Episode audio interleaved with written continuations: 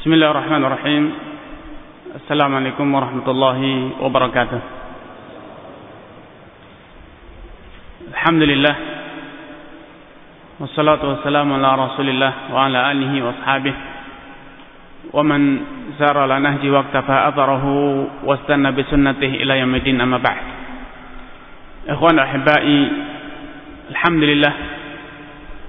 Di pagi yang berbahagia Allah Subhanahu wa taala mempertemukan kita di masjid ini di salah satu rumah Allah Azza wa Jal. Satu kebahagiaan bagi kita semua.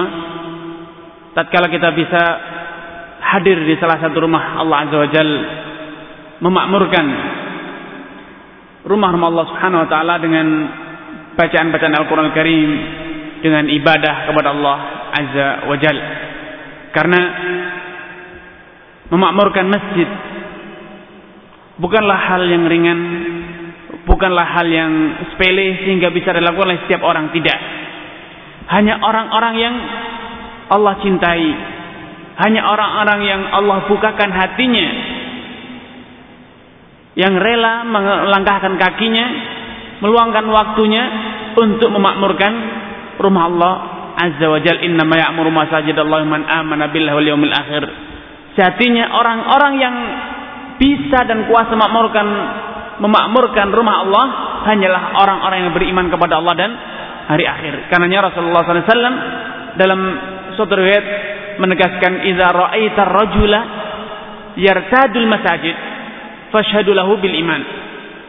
Kalau engkau melihat mendapatkan seseorang yang rajin yartadu rajin mendatangi masjid dia tidak pernah bosan memakmurkan masjid terus beribadah kepada Allah Azza wa Jalla dengan berbagai macam amalan di masjid fasyhadu lahu bil iman.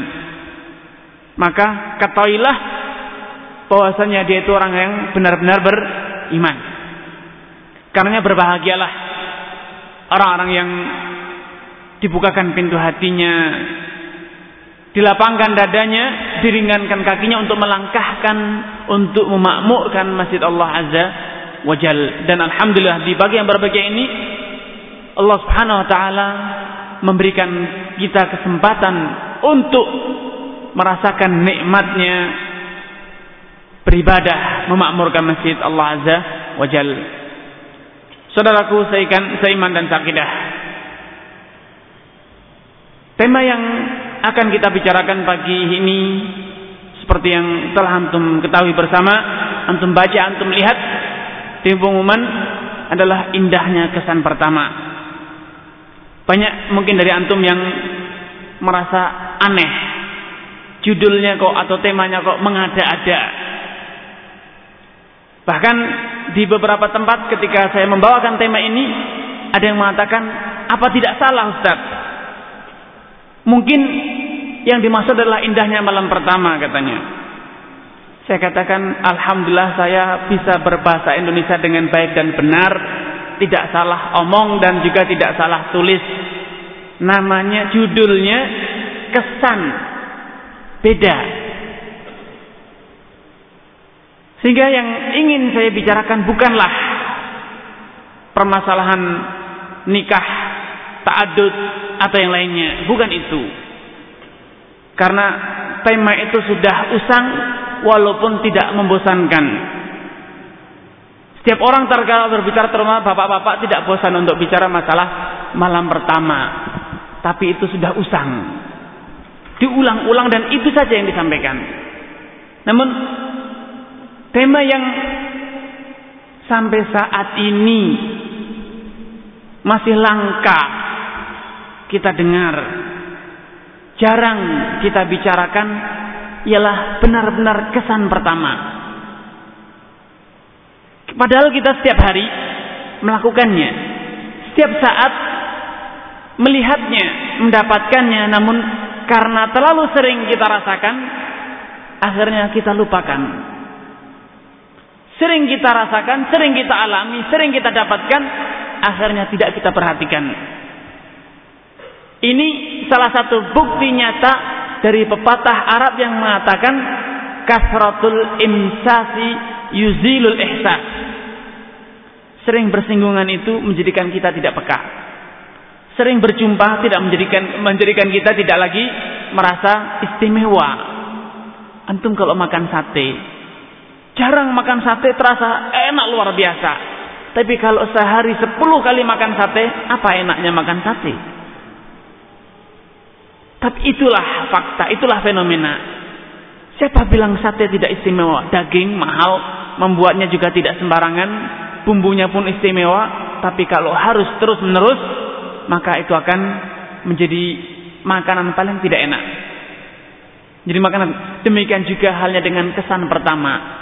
Setiap kita berjumpa dengan teman, pertama kali berjumpa itu adalah kesan pertama. Masuk ke rumah dari luar, ketemu dengan istri, pertama kali pertemuan itu adalah kesan pertama. Setelah berpisah, ketika antum ke masjid, ketemu dengan tetangga, dengan kawan, pertama kali bertatap wajah itulah kesan pertama. Tatkala antum mendapatkan nikmat makanan pertama kali mendapatkannya itulah kesan pertama tatkala antum membeli apa pun. Pertama kali menggunakan itu adalah kesan pertama. Untuk menggambarkan. Betapa pentingnya kita itu memiliki kesan pertama yang indah. Ketika antum jalan-jalan shopping di mall misalnya. Ketika masuk pintu mall, ternyata orang pertama yang antum temui adalah orang yang berbadan besar, penuh dengan tatoan, rambut gondrong, bermuka masam, garang, dan suaranya menggelegar. Silakan masuk pak. Kira-kira jadi belanja tidak? Itu kesan pertama selama belanja pak rasa-rasanya bagaimana kira-kira kalau ternyata penjaga tokonya adalah seperti itu ketika antum masuk rumah dari pulang kerja lelah terbayang di benak kita pulang ke rumah adalah istri tercinta anak-anak yang kita sayangi rumah yang kita idamkan selama ini yang selama kita bangun dari awal selama ini. Ternyata ketika masuk rumah pertama yang didapatkan kapal pecah, piring melempar, terlempar terbang, anak-anak menangis. Kira-kira apa yang antum rasakan seharian setelah mendapatkan kesan pertama semacam itu?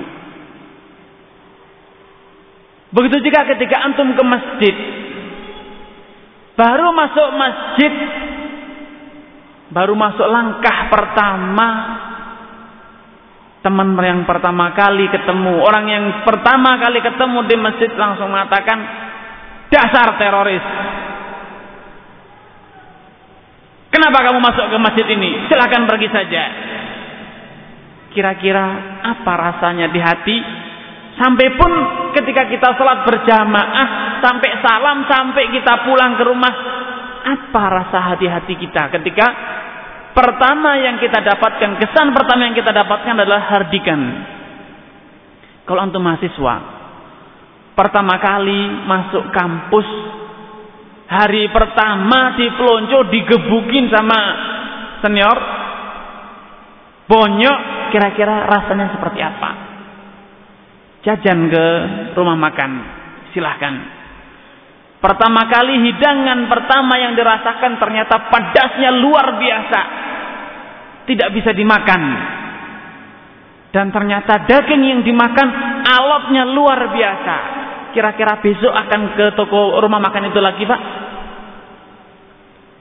Dan apa cerita yang akan Bapak sampaikan ke teman-teman? Apakah, wah luar biasa makanan rumah makan ini hebat kalau mau pesta apa pun silahkan pesan dari rumah makan itu. Kira-kira seperti itu. Apalagi kalau kita sudah berjanji kepada istri kita weekend, anak-anak kita, nanti kita weekend makan di rumah makan yang dagingnya alat luar biasa gigi sampai mau copot, pedasnya naudzubillah, asinnya luar biasa seakan air laut. Akankah seperti itu? Itulah namanya kesan pertama. Mungkin selama ini hal-hal seperti itu terus kita alami. Kita pulang ke rumah, kita pergi ke pasar, ke ladang, ke mana pun, kita selalu mendapatkan kesan pertama namun tidak pernah kita pikirkan. Betapa pentingnya peran kesan pertama dalam kehidupan kita. Dalam berumah tangga, bermasyarakat, beragama, dan yang lain. Seringkali kita tidak perhatikan. Padahal Islam begitu besar perhatiannya agar umatnya ini memiliki kesan yang indah. Senantiasa mampu membangkitkan memori pengalaman unik, pengalaman yang mengesankan sehingga memikat hati orang. Tapi faktanya di lapangan apakah umat Islam ketika pertama kali berjumpa bahkan setelah sekian lama bertetangga, bermasyarakat, apakah mampu membangkitkan kesan yang indah atau sebaliknya? Sehingga karena faktanya tidak semanis yang kita bayangkan, tidak seindah yang kita impikan, sering kali yang muncul dari umat Islam apa? Orang Islam kok seperti itu. Kasar, tidak sopan santun, terkesan kaku, terkesan tidak sopan, dan segalanya kumuh, kotor, tidak rapi. Itulah kesan yang selama ini melekat dengan dinul Islam. Dan itu hal yang terus diupayakan untuk terwujud dan terus ditingkatkan oleh musuh-musuh Islam. Mereka ingin agar kesan yang ada pada umat Islam yang melekat pada umat Islam adalah kesan yang buruk, kesan yang negatif. Kalau tidak percaya silahkan sensus pengemis terbanyak di negeri kita siapa? Umat Islam. Orang yang penampilannya kumuh, perkampungan kumuh, perkampungannya siapa? Umat Islam. Yang hobinya mabok, merampok di negeri kita siapa? Umat Islam. Yang kalau utang tidak membayar siapa? Umat Islam. Terlebih banyak yang berjenggot. Kalau sudah berurusan utang, sulit sekali ditagih. Yang anaknya terlantar, walau diberi makan, diberi minum, tapi seakan tidak diurus. Seperti anak ayam yang kehilangan induknya. Permainannya tidak ada aturan. Waktu khutbah Jumat anaknya nangkring di atas mimbar, anaknya siapa, Pak? Anaknya siapa yang seperti itu? Silahkan lihat. Silahkan cari buat seperti banding sholat Jumat di berbagai kelompok umat Islam yang mengaku salafi, ormas-ormas lain atau kelompok lain, lihatlah siapa yang anak-anaknya yang dibawa ke masjid paling tidak aturan. Gaduh, teriak-teriak di masjid. Kalau tidak juga naik ke mimbar. Itu anaknya siapa, Pak? Ini fakta-fakta yang ada di masyarakat kita, di tengah-tengah kita yang sering kita lupakan. Sering kali kita beralasan anak kecil. Tapi kita tidak berpikir itu adalah menimbulkan kesan. Itu adalah satu pesan. Dan silahkan cari siapakah dari kita yang penampilannya ngakunya muslim, penampilannya tidak rapih dan terkesan uh, acak-acakan seakan tidak peduli dengan penampilannya. Rata-rata itu jawabannya hanya satu, umat Islam lah aktornya. Ini terjadi mungkin bagi kita sepele, alah gitu saja kok dianggap. Tapi tidakkah kita sadar hal yang terasa sepele itu ternyata dampaknya terlalu besar karena menjadikan bukan hanya orang non-muslim yang memiliki image, memiliki kesan negatif tentang Islam, bahkan banyak dari umat Islam saja tapi terpaksa apa boleh buat ini agama yang kita cintai tapi faktanya umatnya seperti ini. Makanya silahkan dengar ceramah-ceramah di mana saja. Kalau orang ingin membangkitkan motivasi bersih Ke mana mencari contohnya? Apakah mencari, mencari contoh nih lo di Bendul Merisi, kampung yang bersih luar biasa, aman, tentram, kalau utang pasti bayar. Atau ke mana? Contohnya pasti Singapura, Jepang, kereta yang tidak pakai apa namanya kasir, bayar sendiri, berangkat sendiri, tidak ada petugasnya macam-macam. Contoh, kalau mau kebersihan ke mana? Contoh Singapura lagi yang terdekat. Australia luar biasa.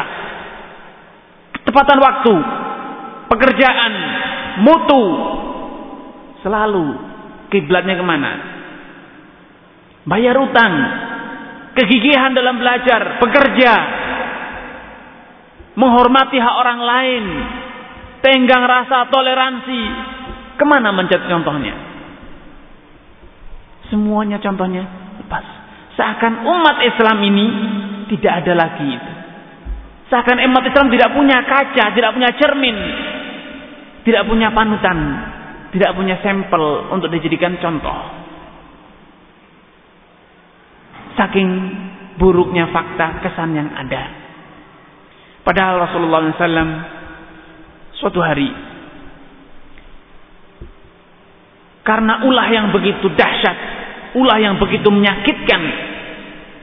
Abdullah ibnu Ubay ibnu Salul tokoh munafik. Yang beliau yang Abdullah bin Ubay Salul ini telah menuduh beliau sallallahu alaihi wasallam menuduh istrinya berzina itu Aisyah dituduh berzina. Dia Abdullah bin Ubay ini dialah yang mengundang memancing orang-orang Quraisy untuk datang dengan pasukannya di perang Uhud di perang Khandaq. Dan dialah yang mengatakan la irja'na ila al-madinati la yukhrijanna al-'azz minha al-adal. Kalau kita sudah pulang dari perang ini dari perang Tabuk maka orang-orang yang memiliki harga diri orang-orang yang bangsawan akan mengusir orang yang hina dina yaitu Rasulullah SAW dan para sahabatnya La yukhrijannal azmin hal adal. Kita sebagai pribumi, kita sebagai orang yang mulia, bangsawan, kita akan usir mereka itu para pendatang, yaitu Rasulullah SAW dan para sahabatnya. Dialah yang mengatakan la tunfiqu ala man inda Rasulillah hatta yanfaddu. Jangan kalian mau menolong orang-orang muhajirin agar mereka semuanya meninggalkan Rasulullah SAW. Mereka lah dialah yang telah melakukan banyak hal. Sehingga ketika Umar bin Khattab merasa muak dengan perilaku Abdullah ibnu Ubay ibnu Salul. Apa yang beliau katakan? Ya Rasulullah, da'ni adribu unuqah hadal munafik. Izinkan aku ya Rasulullah SAW untuk menebas leher orang munafik ini. Maka simaklah. Apa tanggapan Rasulullah SAW? Kalau kita menuruti emosional, kita katakan tebas saja leher orang munafik ini selesai urusan istirahat kita. Tidak ada yang menuntut, tidak ada yang membela dia. Kalau ditebasnya itu atas perintah Rasulullah SAW. Namun simak, walaupun beliau penguasa, walau beliau bisa, walau beliau aman tidak akan ada yang menuntut balas. Tapi beliau beralasan, la, jangan engkau bunuh dia. La yatahaddatsun nas inna Muhammadan yaktulu ashabah Jangan sampai timbul kesan Muhammad itu tega membunuh sahabat sendiri. Padahal kalau dilihat dari perilakunya, dari ulahnya, dia itu sudah layak untuk ditebas lehernya. Munafik, orang kafir, menghina Rasulullah, mendatangkan pasukan musuh untuk menumpas kaum muslimin. Tapi ternyata Rasulullah SAW masih mempertimbangkan kesan Pesan yang muncul dari sikap dan keputusan beliau. La yatahaddatsun nas, jangan sampai ada orang yang berpesan atau orang yang memiliki pesan bahwasanya Muhammad itu bengis sehingga tega membunuh sahabat sendiri. Dan Anda bisa pikirkan, mungkinkah para sahabat memiliki pesan semacam ini? Memiliki kesan semacam ini, timbul kesan di hatinya bahwa Nabi itu tega membunuh sahabat sendiri. Padahal mereka sudah merasakan betapa ulah munafik ini yang begitu jahat, betapa kecilnya perbuatan dia, ucapan dia. Mereka semua tahu dia bukan orang muslim, mereka tahu dia adalah orang munafik. Sehingga sudah bisa dipastikan tidak mungkin kesan ini muncul di hati seorang muslim. Pasti kesan ini muncul di siapa? Pada orang-orang kafir. Sehingga menyebut mengakibatkan adanya kesan ini mengakibatkan orang-orang musyrik, orang-orang kafir enggan untuk masuk Islam, khawatir diperlakukan serupa. Lihatlah ternyata Rasulullah SAW berusaha menjaga agar tidak timbul kesan-kesan negatif dari perbuatannya walaupun kesan itu kesan yang salah, kesan yang dimiliki yang ditarik oleh siapa? Orang non muslim. Apalagi kalau kesan itu muncul pada orang muslim. Karena ketika Rasulullah SAW telah berhasil menundukkan kota Mekah. Menguasai kota Mekah, Fathu Mekah pada tahun ke-8 Hijriah. Beliau setelah meruntuhkan semua berhala di sekitar Ka'bah, beliau berkata kepada Aisyah radhiyallahu taala ketika Aisyah merasa keheranan, "Ya Rasulullah, ma balu babil Ka'bah ya Rasulullah, kenapa pintu Ka'bah kok tinggi?" Sehingga untuk masuknya harus menggunakan tangga. Tidak dibuat pendek. Namanya pintu kok tinggi bagaikan jendela. Maka Rasulullah menyebutkan kronologi Mengapa pintunya ditinggikan? Kata beliau, dahulu Quraisy ketika memugar Ka'bah, mereka sengaja meninggikan pintu Ka'bah agar tidak sembarang orang bisa masuk. Sehingga mereka bisa menghalangi siapa pun yang ingin masuk tanpa seizin mereka. Karena mereka pertimbangannya ekonomis. Orang yang mau masuk Ka'bah bayar ke orang Quraisy. Sehingga kalau pintunya tinggi tidak akan ada yang bisa masuk kecuali setelah mendapatkan izin dari Quraisy. Maka kata Rasulullah SAW, "Laula anna qaumuki hadithu ahdin bi kufur." Andailah wahai Aisyah, bukan karena umatmu baru saja masuk Islam yaitu orang Mekah.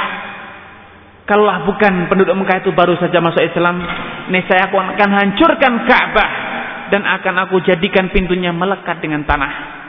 Dan akan aku buat dua pintu, pintu masuk dan pintu keluar. Namun subhanallah Rasulullah SAW mengurungkan niatnya. Kenapa? Karena beliau khawatir ada kesan buruk, kesan negatif pada sahabat-sahabat beliau yang baru masuk Islam. Tidak ingin mereka murtad, tidak ingin Rasulullah SAW mereka memiliki kesan, memiliki image, pemahaman, salah paham. Bahwasanya Rasulullah SAW tidak lagi mengagungkan Ka'bah. Karena ketika Sa'ad bin Ubadah radhiyallahu taala an membawa bendera Ansar pada perang Fathu Makkah. Setelah berhasil orang Quraisy ditundukkan dan kalah menyerah, Sa'ad bin Ubadah bersenandung dan mengatakan berdasarkan pemahaman dia, berdasarkan apa yang dia pahami tentang peperangan Fathu Makkah. Dia mengatakan al-yaum yaumul marhamah. Hari ini adalah hari pertumpahan darah, hari ini adalah hari pembalasan, balas dendam. Orang Quraisy telah berbuat bengis, membunuh dan melakukan dan melakukan. Maka tiba saatnya sekarang yang kita yang membalas orang Quraisy. Yaumul malhamah. Sekarang akan kita bantai orang Quraisy sebagaimana mereka membantai sahabat-sahabat kita maka apa yang dilakukan Rasulullah SAW?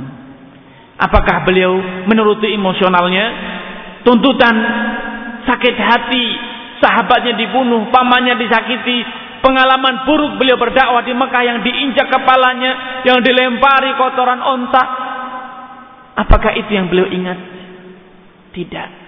Beliau malah menegur saat ibadah dan menarik bendera Ansar dari tangannya dan diberikan kepada orang lain. Dan beliau mengatakan kadzab wahai saat engkau telah salah paham. Al-yaum yaumul marhamah. Yang terjadi sebaliknya hari ini adalah hari orang-orang Quraisy disayangi. Hari orang Quraisy disayangi sehingga beliau mengatakan dengan suaranya lantang, "Man dakhala darahu amin." Barang siapa yang masuk ke rumahnya menutup pintunya maka dia aman, tidak akan diganggu. Wa man dakhala al-masjid fahuwa amin. Orang yang masuk ke masjid aman, tidak akan diganggu. Wa man dakhala dara Abi Sufyan fahuwa amin. Dan barang siapa yang masuk ke rumah Abu Sufyan maka dia mendapatkan jaminan keamanan, tidak akan ada yang mengganggu. Lihat efek dari sikap Rasulullah SAW yang berhasil menunjukkan kesan yang indah ketika beliau berhasil menundukkan kota Makkah. Apa yang diucap oleh Abu Sufyan? Abu Sufyan mengatakan ketika ditanya oleh Rasulullah SAW, "Mata tadhunnuna anni fa'ilun fikum?" Wahai orang-orang Quraisy, apa kira-kira yang kalian duga bahwa aku akan aku lakukan kepada kalian? Apa anggapan kalian tentang sikap yang akan aku kerjakan pada kalian? Maka Abu Sufyan setelah mendengar sebelumnya mendengar ucapan Rasulullah SAW beliau mengatakan akhun karim karim wabnu akhin karim kau adalah saudara yang dermawan pemaaf dan engkau adalah keponakan yang dermawan pula luar biasa. Sehingga semua orang Quraisy kala itu berbondong-bondong masuk Islam semuanya tanpa terkecuali. Sampai pun Abu Sufyan yang sebelumnya adalah tokoh yang paling benci memusuhi Rasulullah SAW sepeninggal Abu Jahal, Abu Lahab dan yang lainnya Umayyah bin Khalaf, Abu Sufyan adalah pemimpin Quraisy.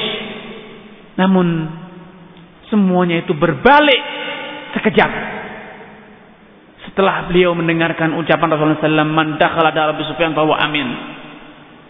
Dan dalam satu peperangan Rasulullah sallallahu alaihi wasallam membagikan seluruh rampasan perangnya hanya kepada tiga orang. Uh, di antaranya adalah kepada uh, Adi, uh, Adi ibnu khair dan juga kepada salah seorang yang terkenal tokoh orang kafir terkenal menyakiti Rasulullah SAW. Namun setelah mendapatkan hadiah berupa domba satu lembah, dia mengatakan dan berlari ke kaumnya, Ayuhan nas aslimu, wahai kaumku masuk Islam semuanya. Fa inna Muhammadan yu'ti ata'aman la yakhshal fakr. Karena Muhammad hari ini telah memberi aku hadiah yang sangat besar seakan-akan dia tidak pernah khawatir akan jatuh miskin. Subhanallah. Itulah kesan pertama. Sehingga siapa pun yang mendapatnya pasti akan ter, uh, terkesan sehingga menjadi ter, terasa Islam itu begitu indah. Islam itu begitu indah. Karena yang Rasulullah SAW dalam satu hadis yang memberikan satu kesimpulan bagaimana seharusnya seorang muslim bersikap, bagaimana seharusnya seorang muslim bermasyarakat, bagaimana seharusnya seorang muslim berinteraksi dengan orang lain. Beliau mengatakan al-muslimu ya'laf wa yu'laf. Jadi seorang muslim itu adalah orang yang pandai ya'laf, pandai berinteraksi, pandai bergaul, wa yu'laf dan nyaman kalau diajak bergaul. Wala khaira fi man la ya'laf wala yu'laf.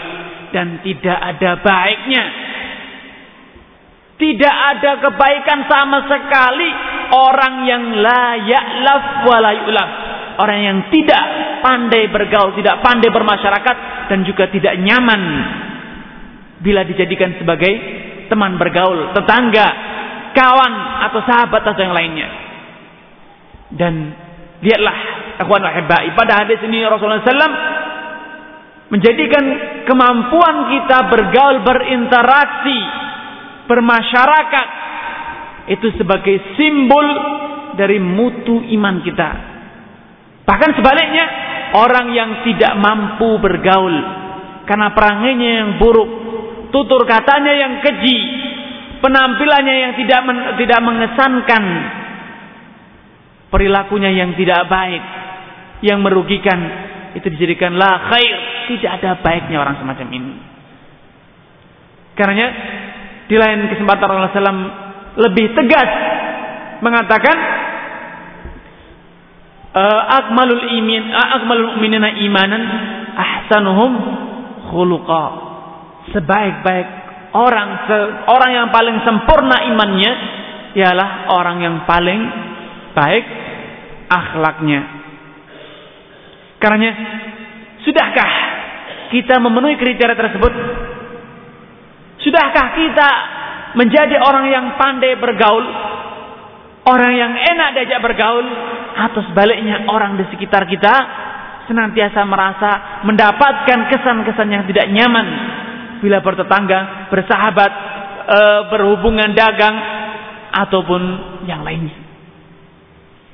Mungkin kita selama ini mengatakan saya tidak merugikan. Saya tidak salah. Menurut saya enak saja. Apa salahnya? Apa salahku? Menurut saya ini benar. Ini namanya egois. Standar kebenaran, standar nyaman, standar suka tidak suka adalah diri kita itu namanya egois dan itulah takabur namanya sombong. Rasulullah SAW Ketika beliau mengajarkan bagaimana seharusnya seorang muslim berpikir memiliki pola pikir. Beliau memberikan satu tawaran. Beliau mengatakan, "Man ahabba an yudkhalal jannah." Barang siapa yang mau masuk surga, wa yuhzahzaha 'anil nar dan dijauhkan dari neraka. Tentu Antum semua mau itu. Dimasukkan surga dan dijauhkan dari siksa neraka itu adalah impian kita, itu adalah harapan kita. Lihatlah apa jawaban Rasulullah SAW man ahabba an yudkhalal jannah.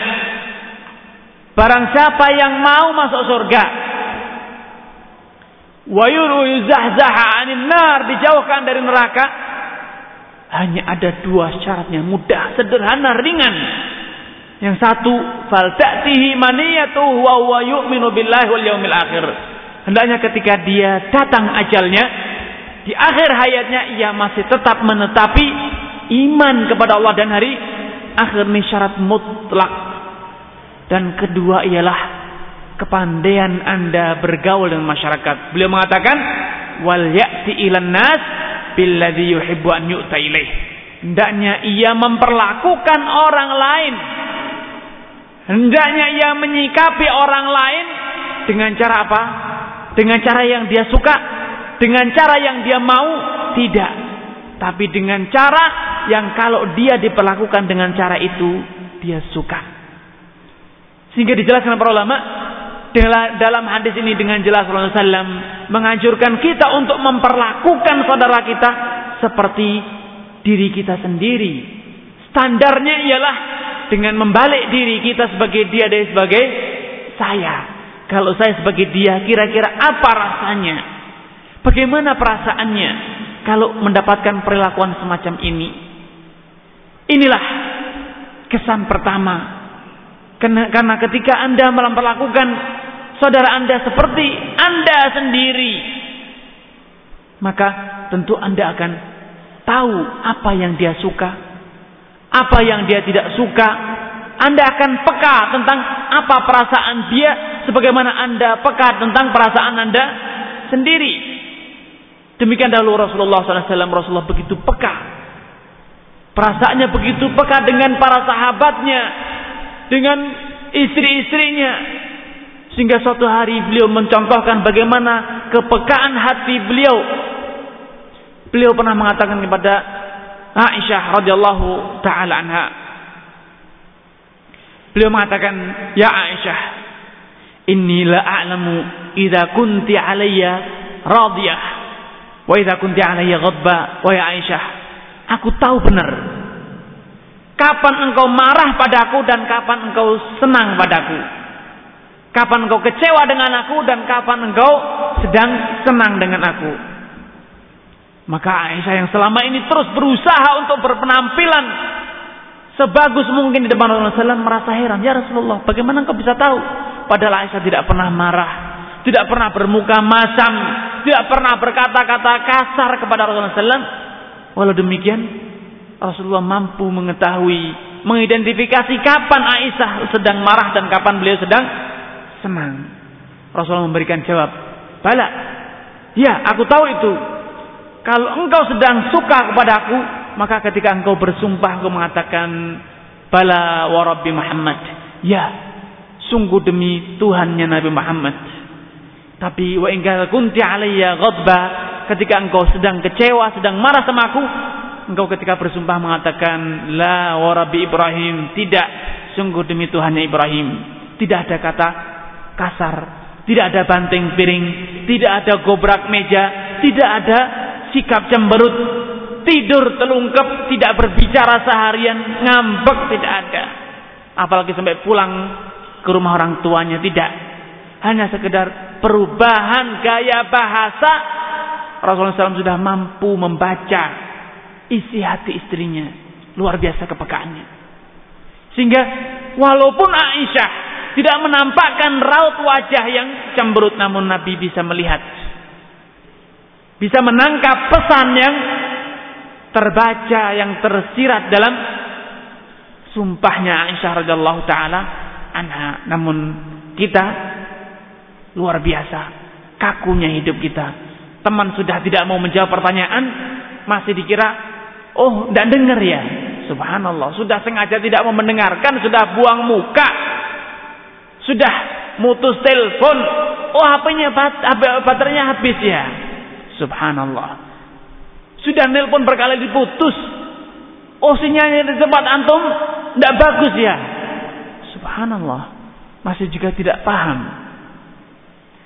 Sudah ditagih, masih juga tidak ngerti. Oh, anak kira antum belum butuh.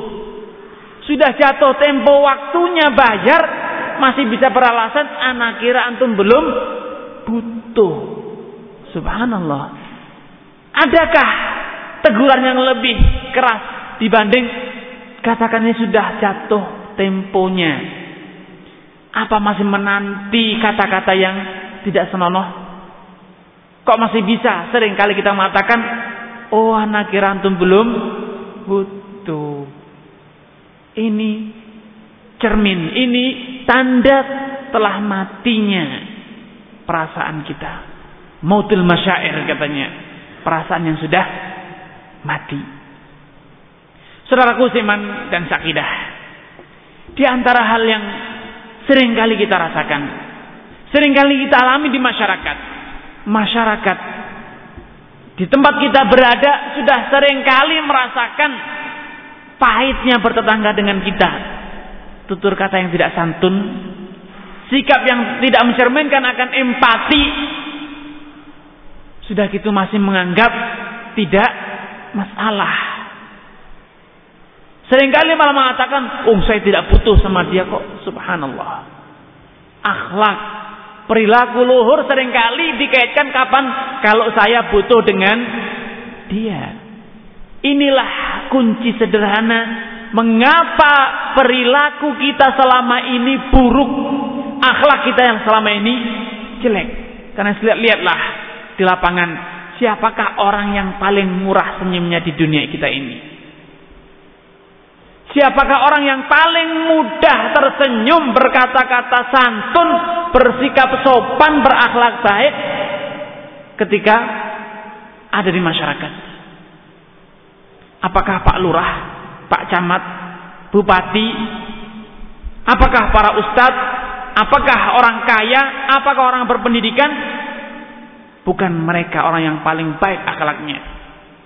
Orang yang paling ramah, paling murah senyumnya, paling sabar adalah tukang sampah, cleaning service, pemulung, santunnya luar biasa. Dengan siapa saja senyum dengan siapa saja menyapa. Tidak pernah marah. Dimarah-marahi juga tidak balas. Kenapa? Karena merasa butuh. Selama ini Akhlak baik di masyarakat kita hanyalah dilakukan kapan? Di saat kita sedang butuh ternyata. Jadi tatkala sudah tidak butuh, semakin tinggi martabat kita, semakin tinggi derajat kita, maka semakin satu persatu akhlak kita semakin kita tinggalkan. Semakin kita kaya, maka semakin banyak orang yang tidak kita sapa. Semakin tinggi martabat kita, derajat kita, pangkat kita, maka semakin banyak orang yang kita lupakan. Sehingga seperti kata Rasulullah SAW, Inna min asyrati sa'ah. Di antara tanda telah dekatnya hari kiamat, ialah at-taslimu lil ma'rifah. Ucapan salam itu hanya diucapkan untuk apa? Kalau kenal saja. Kalau kita butuh saja di saat tidak butuh, maka tidak akan ada tegur sapa, apalagi silaturahmi. Padahal Islam tidak mengajarkan seperti itu. Islam justru mengajarkan yang lebih indah, jauh indah dibanding itu. Sehingga beliau mendefinisikan tentang silaturahmi apa? Laisal wasilu bil mukafi. Bukanlah orang yang dinamakan silaturahmi itu yang hanya membalas kunjungan dengan kunjungan hadiah dengan hadiah Bukan itu sejatinya silaturahmi yang sebenarnya. Silaturahmi yang sejati, yang sempurna ialah antasilaman qata'ak. Engkau bersilaturahmi dengan orang yang telah sengaja dengan sadar berusaha memutus hubungan dengan Anda. Anda tetap bermanis wajah dengan orang yang sudah cuh di depan Anda. Namun kalau Anda tersenyum dengan orang yang tersenyum, itu bukanlah senyum yang tulus.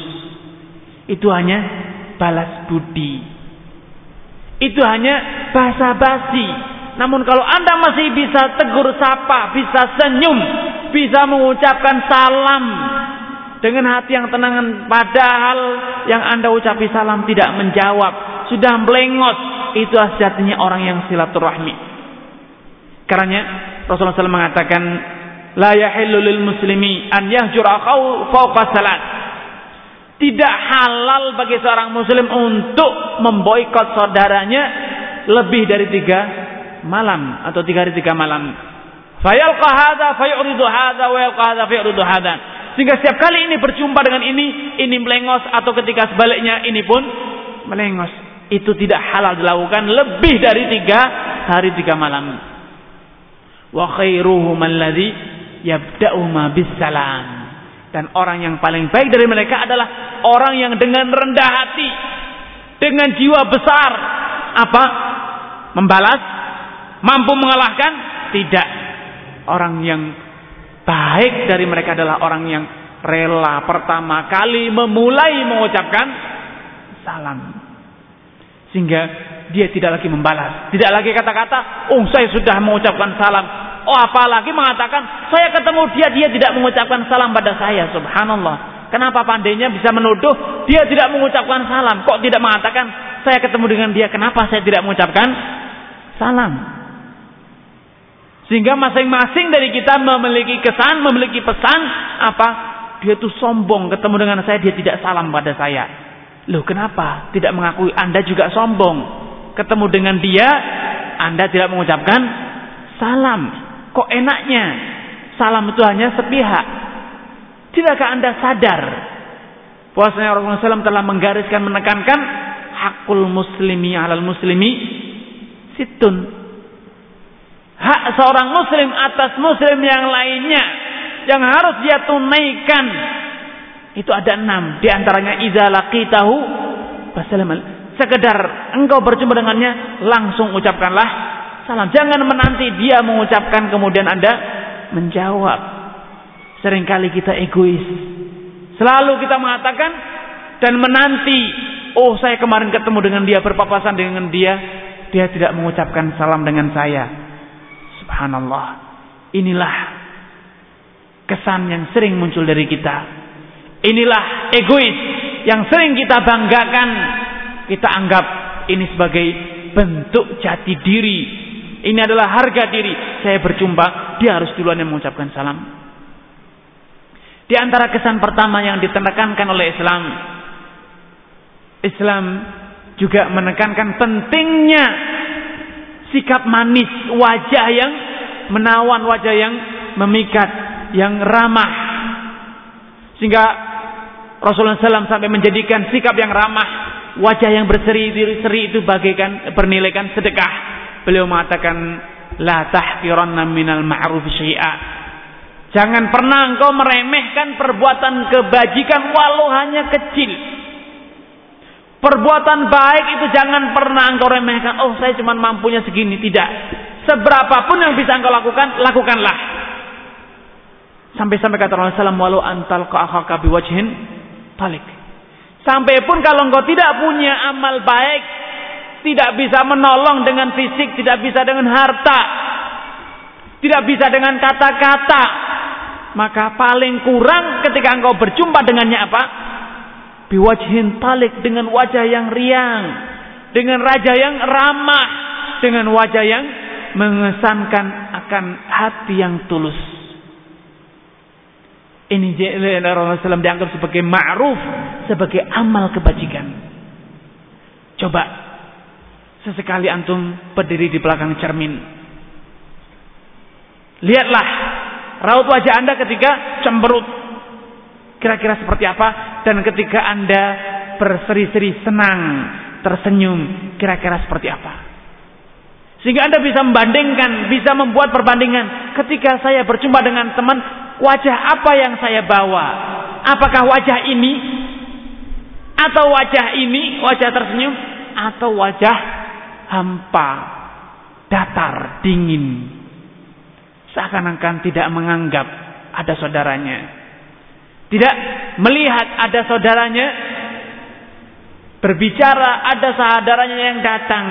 Karena dahulu pesan Luqmanul Hakim kepada putranya ini adalah salah satu terbiah. Pendidikan yang ditanamkan oleh Luqmanul Hakim kepada putranya wala tusair khaddaka linnas wahai jangan pernah engkau memalingkan wajah ketika orang berbicara denganmu tataplah wajah dia sebagai pesan bahwa engkau perhatian, engkau memberikan penghormatan, penghargaan kepada orang yang sedang berbicara dengan dengan jangan engkau pernah berpaling, jangan engkau pernah berikan pipimu kepada dia.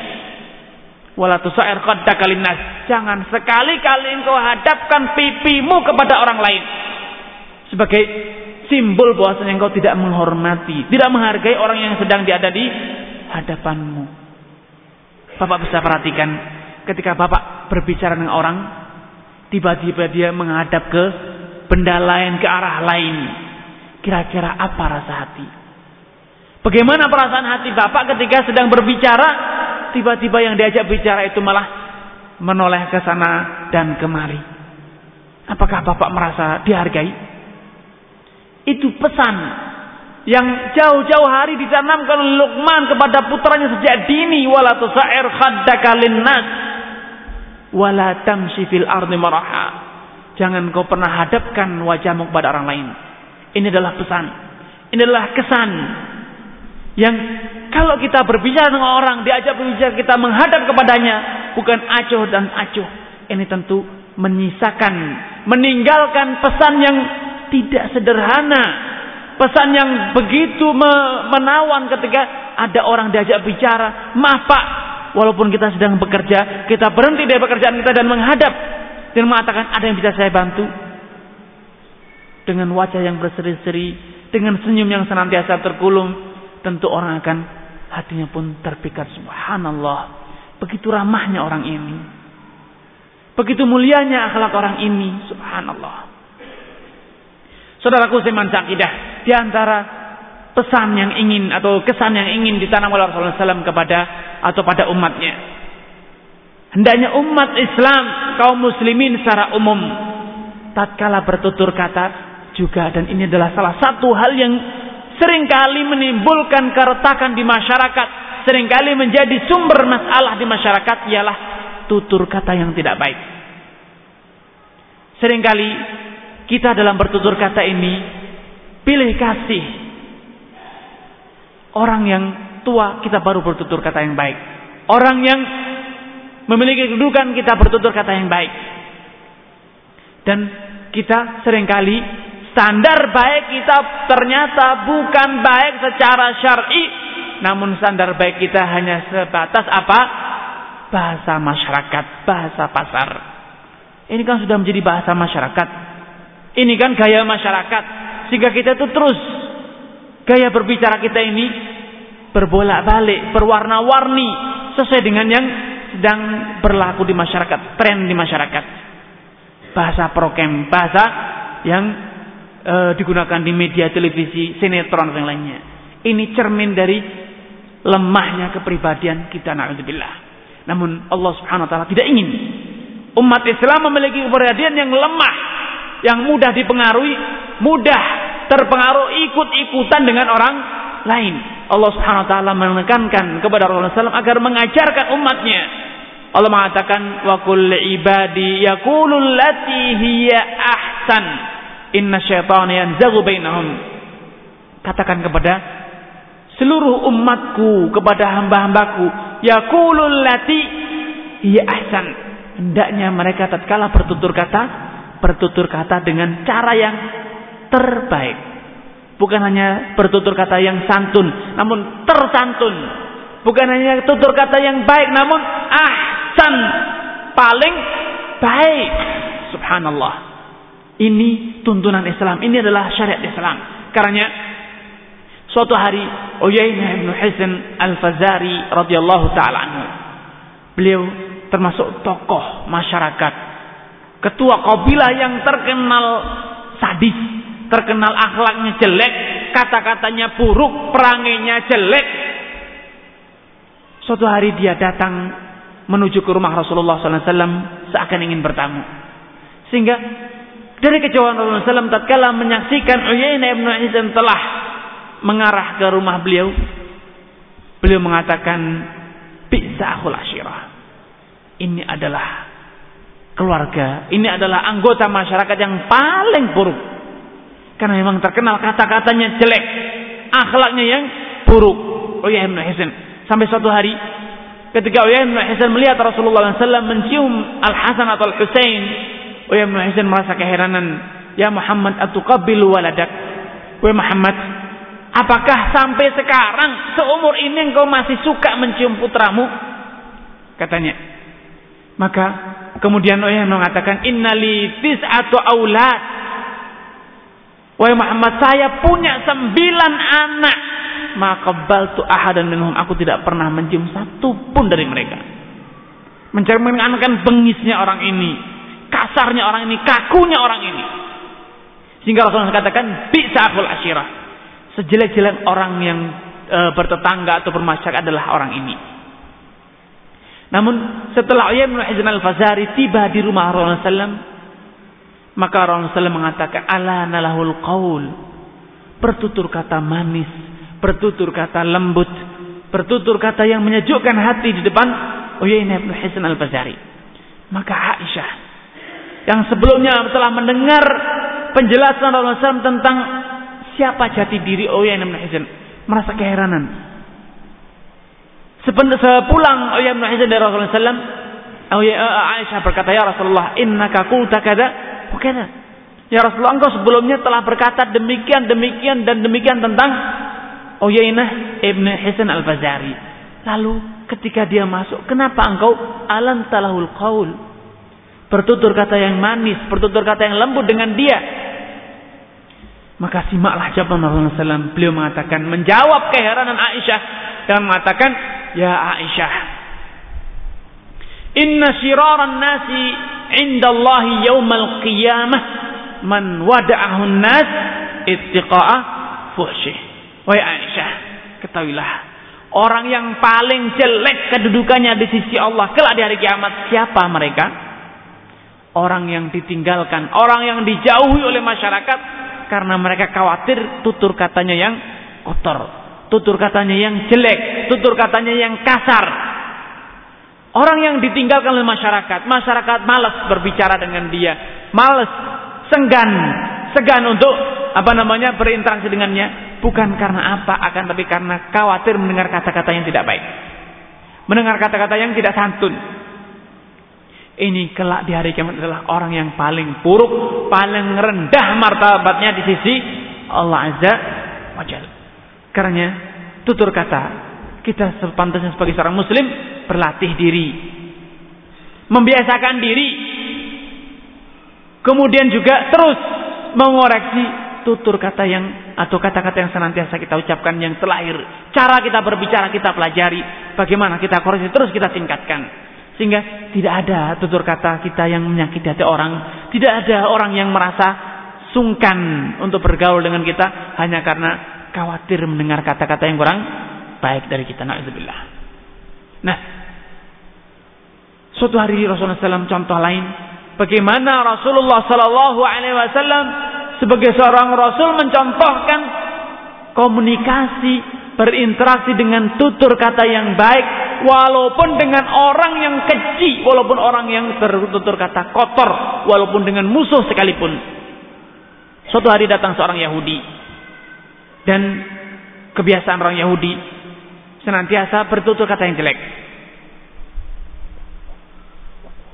Bahkan dengan sengaja Yahudi ini walaupun dia adalah orang lemah di Madinah sudah kalah perang dan dia bersatu sebagai ahlu zimmah pendatang dari Madinah orang asing dia dengan lancangnya mengatakan kepada Rasulullah SAW Assalamualaikum ya Muhammad Wahai Muhammad semoga engkau terkena racun katanya maka Rasulullah SAW mengatakan wa alaik yang artinya semoga engkau juga tapi Aisyah yang mendengar sikap kurang ajar Yahudi ini. Beliau merasa ini adalah makhluk lemah di kota Madinah. Umat Islam sebagai penguasa Rasulullah SAW adalah sebagai pemimpin umat Islam. Sebagai penguasa kota Madinah. Ternyata diperlakukan dengan cara-cara yang tidak santun semacam ini. Maka Aisyah meledak emosinya dan mengatakan. Balisamu alaika wal la'nah. Semoga engkaulah yang terkena racun dan juga terkena laknat dari Allah Azza wa Jal. Emosi marah membalas dengan yang lebih kejam. Itu adalah kepuasan batin. Sehingga masyarakat pun sama seperti masyarakat dulu. Ini adalah semboyan jahiliyah. Pembalasan lebih kejam dari perbuatan terlebih kita ini mampu. Kita ini kuasa yang berbuat makhluk lemah. Orang Yahudi satu orang sudah kalah dia pendatang ahlu zimmah dan yang dihina siapa? Orang yang paling kuat paling mulia. Sehingga Aisyah pun emosi sebagai manusia biasa sehingga dia mengatakan semoga engkau lah yang terkena racun dan ditambah lagi dengan laknat dari Allah Azza wa Jalla tidak perlu ditakutkan Yahudi apa kekuatan dia apa yang dia bisa lakukan? Apa pun yang kita mau, dia tidak akan bisa menahan. Dia tidak akan bisa menolak. Walau demikian Rasulullah SAW tidak melakukannya. Beliau bahkan bukannya menghardik Yahudi yang telah bertutur kata jelek, berbuat jelek kepada Rasulullah SAW, namun beliau menegur Aisyah, mahlan ya Aisyah, inna rifqa la yakunu fi syai'in illa zanah. Wahai Aisyah, sabar. Tahan dirimu wahai Aisyah. Jatinya lemah lembut itu tidaklah ada dalam suatu urusan kecuali urusan tersebut terasa indah. Maka Aisyah yang merasa membela, merasa terhina dengan sikap Yahudi tersebut, tidak terima dengan teguran Rasulullah SAW. Beliau mengatakan, Ya Rasulullah, amam masih tamakal. Ya Rasulullah, tidakkah engkau mendengar apa ucapan Yahudi ini? Kok malah saya yang disalahkan? Yahudi ini kan yang kurang ajar. Saya akan membalas. Saya akan membela. Kok malah saya yang disalahkan? Maka Rasulullah SAW pun balik berkata dan bertanya kepada Aisyah, Ama sami'ti ma qult? Wahai Aisyah, tidakkah engkau dengar apa yang aku ucapkan kepadanya? Aku kan sudah mengatakan, semoga engkau juga. Artinya, kalau Yahudi mengatakan, semoga engkau kena racun, Rasulullah mengatakan, semoga engkau juga kena racun. Kemudian Rasulullah menjelaskan apa yang menjadikan Rasulullah mampu bersikap tenang. Yang menjadikan Rasulullah tidak emosional. Yang menjadikan Rasulullah mampu bersikap lemah lembut walau terus dipancing oleh Rayudi dengan cara-cara yang kurang ajar semacam ini. Beliau menjelaskan ideologi, menjelaskan iman beliau. Yang seharusnya ini ada pada diri setiap muslim. Beliau mengatakan yustajabulana wala yustajabulahum. Yang menjadikan Rasulullah SAW tenang, tidak emosional. Beliau tidak reaktif dengan sikap orang. Apa yang beliau lakukan? Apa yang menjadikan semuanya itu? Yustajabulana wala yustajabulahum. Allah pasti mengabulkan doa kita, tapi Allah tidak mungkin mengabulkan doa mereka. Lah kalau orang Yahudi sudah mengatakan semoga engkau terkena racun dan Rasulullah mengatakan semoga engkau juga, maka kata Rasulullah yang dikabulkan doa kita sedangkan doa mereka tidak akan dikabulkan. Ini sudah lebih kejam dibanding perbuatannya. Dia melakukan sesuatu yang tidak akan berbuat apa-apa, tidak melakukan tidak memiliki pengaruh apa-apa, tapi dampaknya apa? Dia pasti terkena racun. Tentu ini sudah lebih berat dibanding perbuatannya. Tapi subhanallah, tentu kesan yang didapat dari sikap Rasulullah yang tenang, tidak emosional dan tetap berpenampilan seperti setiap kala tidak berubah wajah. Ini tentu menimbulkan kesan yang luar biasa kepada semua orang yang melihat ataupun mengetahuinya. Karena sebagai seorang muslim, inilah kunci keberhasilan kita untuk bisa berakhlak baik.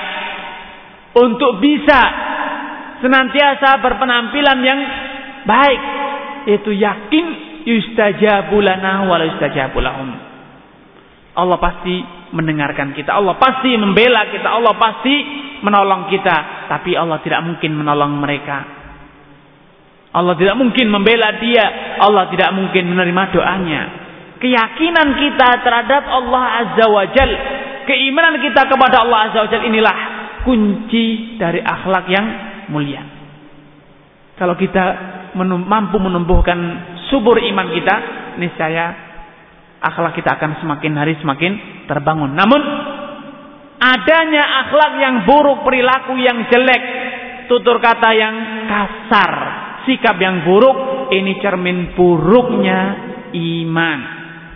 Karena Rasulullah SAW mengatakan dalam satu hadisnya, "Laisal mu'minu uh, la, uh, la imanata liman la amartallah tidak ada iman. Tidak beriman orang yang tidak bisa menunaikan apa? Amanah. Orang yang tidak bisa memegang amanah janji besok sudah sebulan bahkan sudah setahun ternyata tidak dibayar itu bukti cermin nyata bahwa dia belum layak menyandang predikat sebagai seorang mukmin. Sebagaimana Allah SAW juga menjelaskan uh, al-muslimu man salimal muslimuna min lisanihi wa yadihi. Orang yang benar-benar layak menyandang predikat muslim, sebutan muslim siapa mereka? Orang yang masyarakat luas, orang yang tetangga, orang yang kerabatnya, orang yang teman sejawatnya dan bahkan semua masyarakat salima selamat dari gangguan lisan, tangan, dan semua perbuatannya. Dalam kesempatan Rasul juga mengatakan al-muhajiru man hajara manahallahu an. Orang yang dikatakan muhajir sejati bukan orang yang sekedar pindah negeri. Tapi yang namanya muhajir adalah orang yang benar-benar meninggalkan seluruh larangan Allah Azza wa Jalla. Inilah yang sejati orang yang muhajir. Sebagaimana Rasul juga mengatakan uh, al-mu'minu man aminahun nas ala dimaihim wa amwalihim wa. Orang yang benar-benar layak dikatakan sebagai orang mukmin adalah orang yang masyarakat merasa aman dari uh, gangguan dia baik pada hartanya, jiwanya ataupun harta uh, martabatnya atau harga dirinya. Inilah kesan pertama. Andai umat Islam benar-benar menghayati Islamnya, ini saya tidak akan ada orang yang merasa terganggu. Baik pada hartanya, badannya, fisiknya ataupun yang lainnya. Namun sayang naudzubillah. Yang terjadi seperti yang Allah kisahkan dalam Al-Qur'anul Karim, qalatil a'rabu amanna.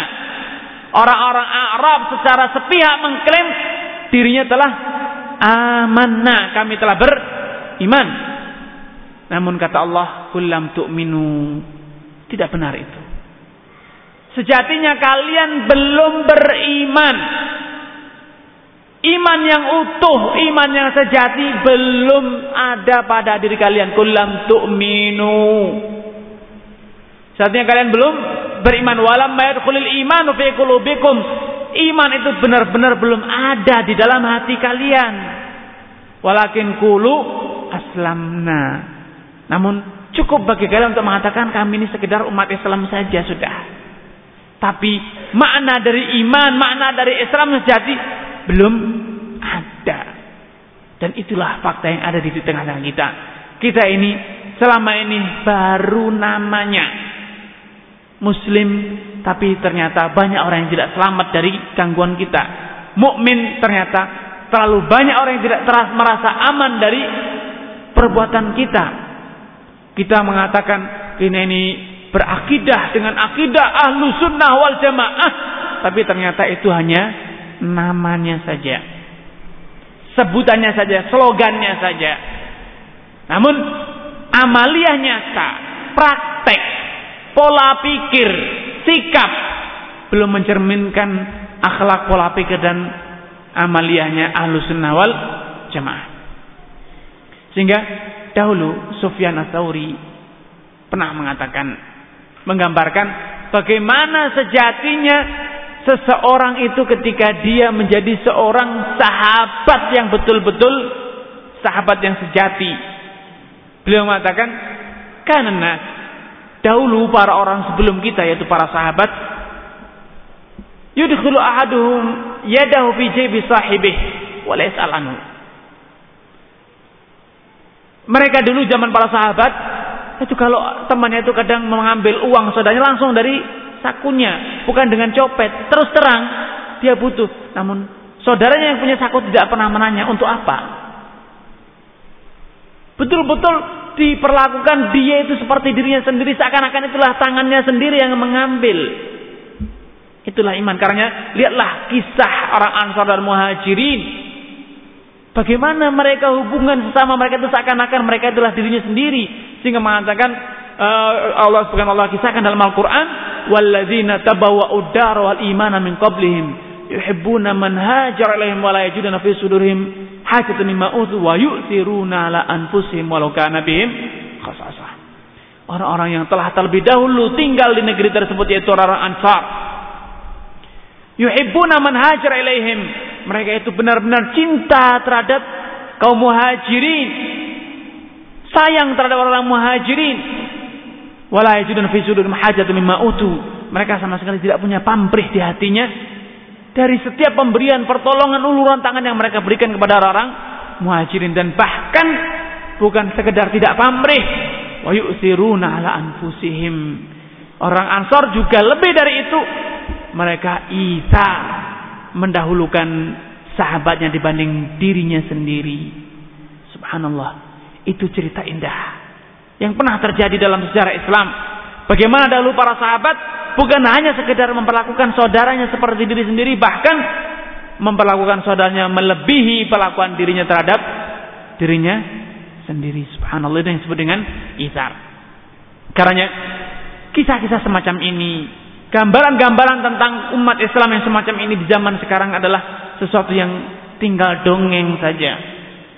Yang ada seperti tadi yang pada awal pertemuan kita telah sampaikan banyak yang berkhianat, banyak yang berhukum muka masam, kumuh, tidak empati, tidak peduli dengan saudaranya dan lain sebagainya. Itu semua terjadi dan itu semua adalah bukti nyata akan lemahnya iman, lemahnya Islam kita.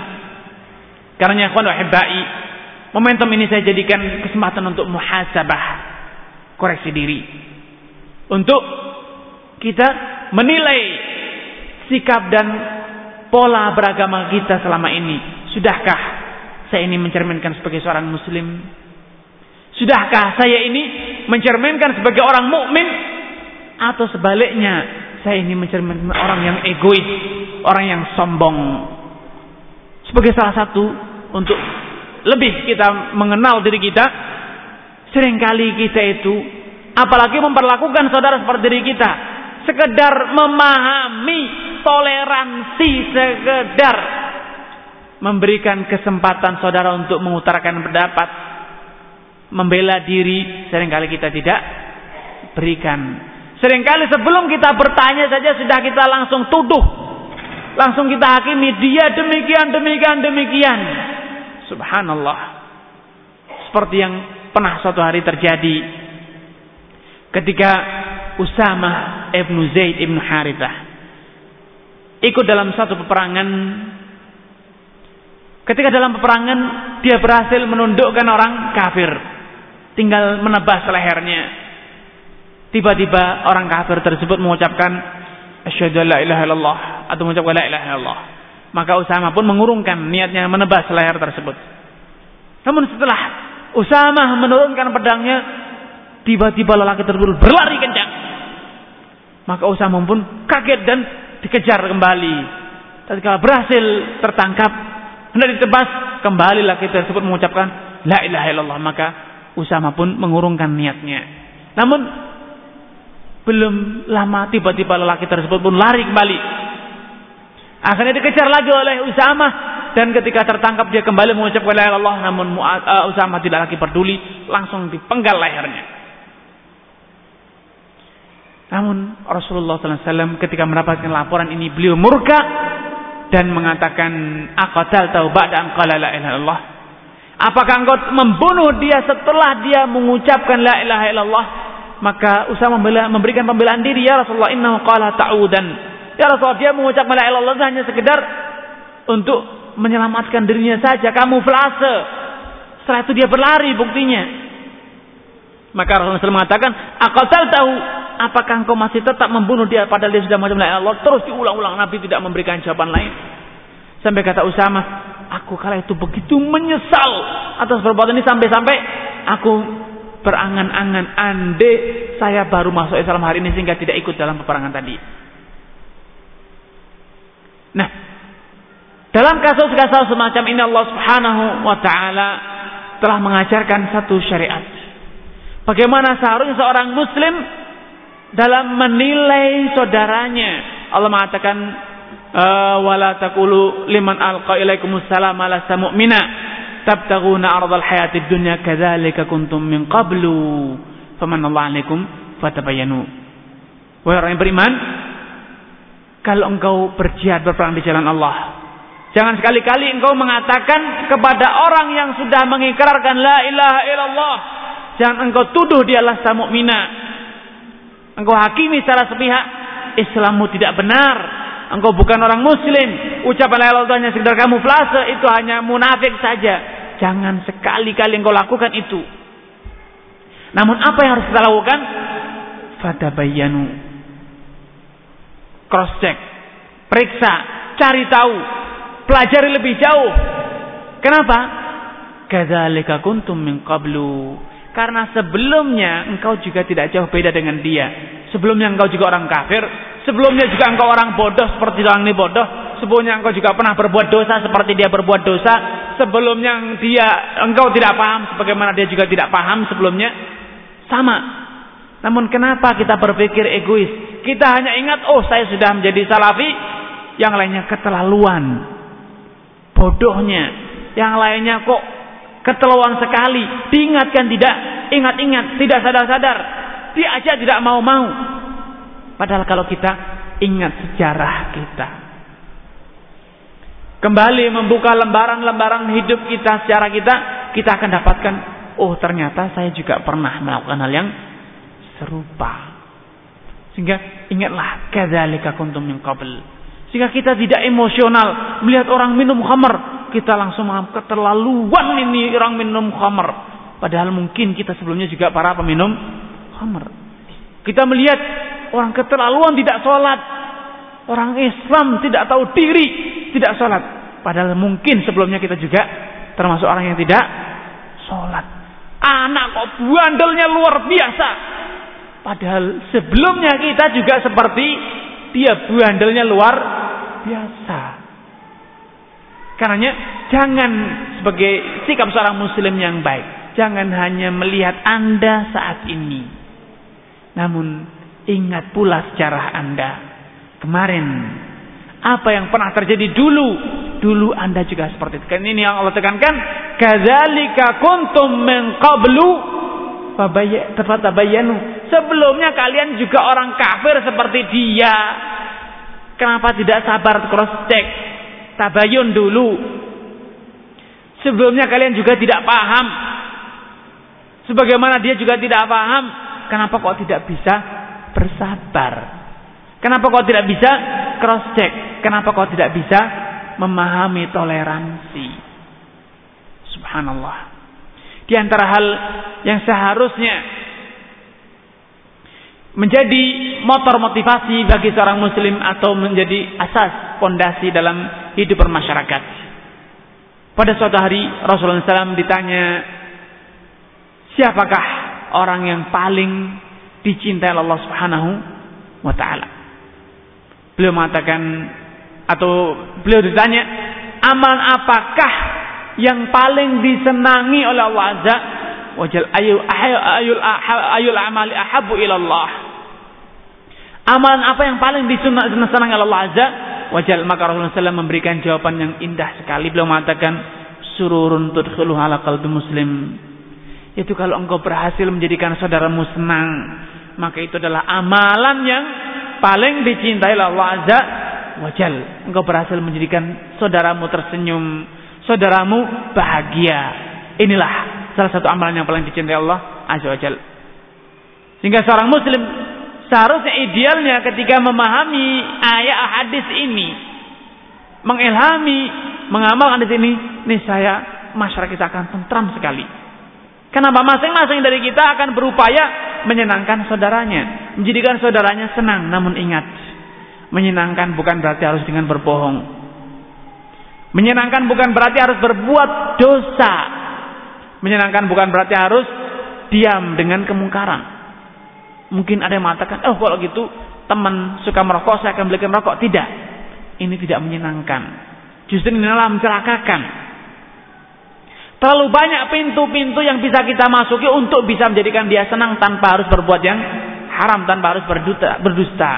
Sebagian orang berdasarkan hadis di atas sururun tudkhulu qalbu muslimin, amal yang paling utama ialah engkau berhasil menyenangkan orang muslim kemudian dijadikan dalil untuk membolehkan atau menghalalkan profesi sebagai seorang pelawak. Tentu ini tidak benar. Karena Rasulullah SAW telah memberikan peringatan keras. Wailun, thumma wailun, thumma wailun liman adhakan nas. Liman yakulu sya'an yudhikan nas celaka, kemudian celaka dan kemudian celaka orang yang berkata-kata bukan untuk tujuan tertentu namun hanya sekedar untuk apa? Membuat orang lain tertawa. Alhamdulillah. Al-Imam Al-Ghazali rahimahullah taala memberikan satu kesimpulan. Salah satu kesimpulan kunci sederhana menurut beliau agar kita bisa berinteraksi bergaul dengan masyarakat dengan cara-cara yang indah. Beliau mengatakan Kuncinya sederhana. Yang pertama seperti yang Rasulullah SAW gambarkan dalam hadis et'amut ta'am, ifsa'us salam wa et'amut ta'am.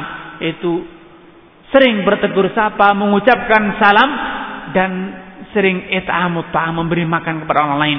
Dalam hadis lain Rasulullah SAW memberikan penjelasan lebih tegas.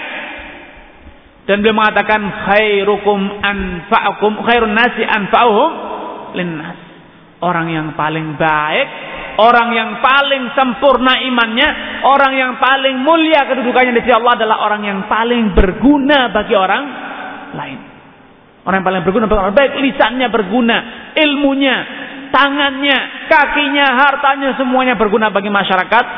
Luas itulah orang yang paling baik. Karena suatu hari Rasulullah SAW di pagi hari setelah salat subuh beliau bertanya, "Man minkum ada maridhan?" Siapa dari kalian yang pagi ini telah mengunjungi orang yang sakit? Maka Abu Bakar mengatakan anak.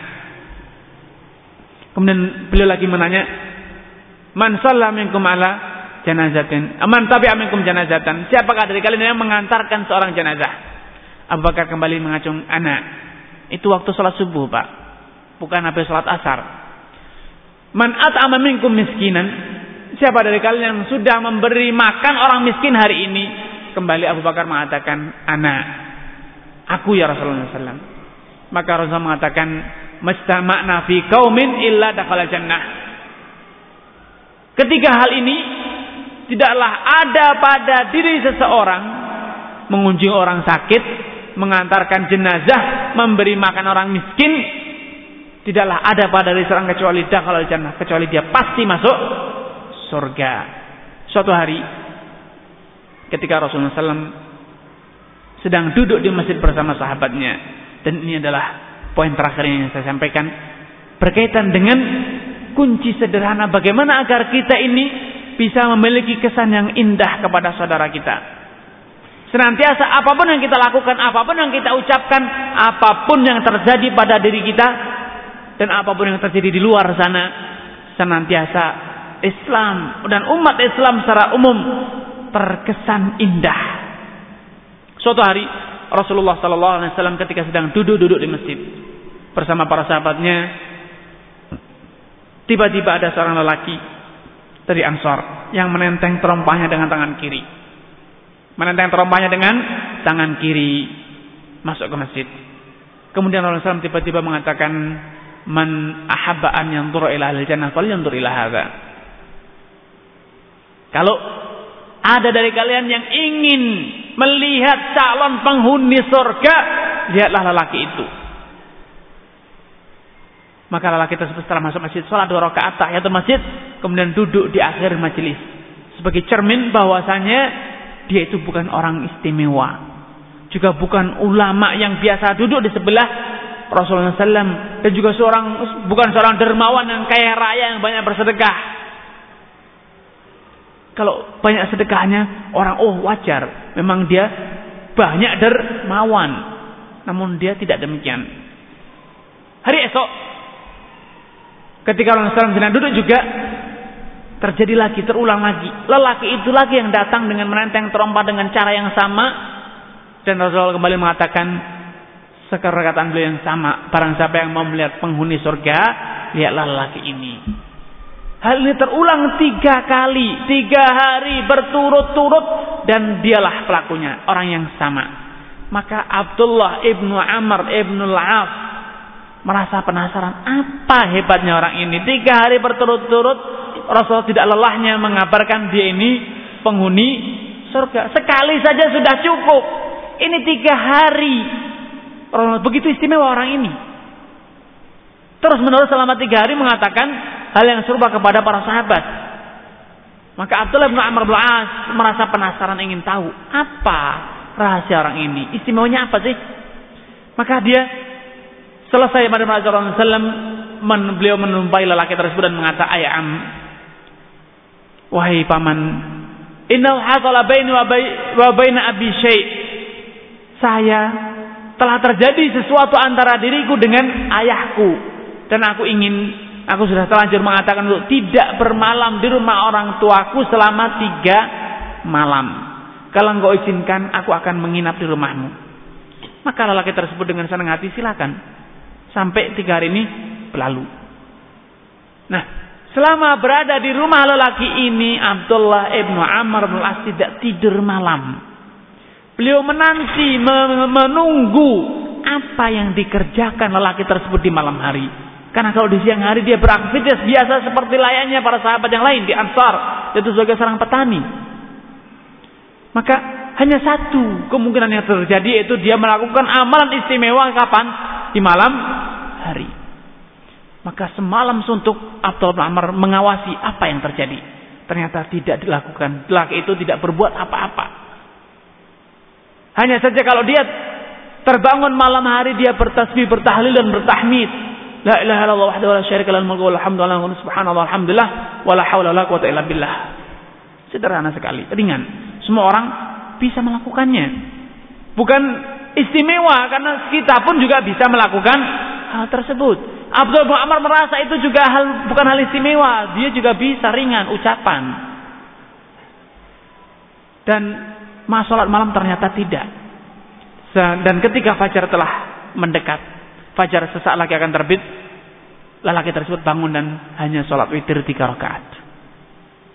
Kata Abdul Amr, apanya yang istimewa? Apa yang istimewa adalah ini tidak ada yang istimewa. Hari kedua pun demikian. Tidak ada yang istimewa. Hari ketiga pun sama.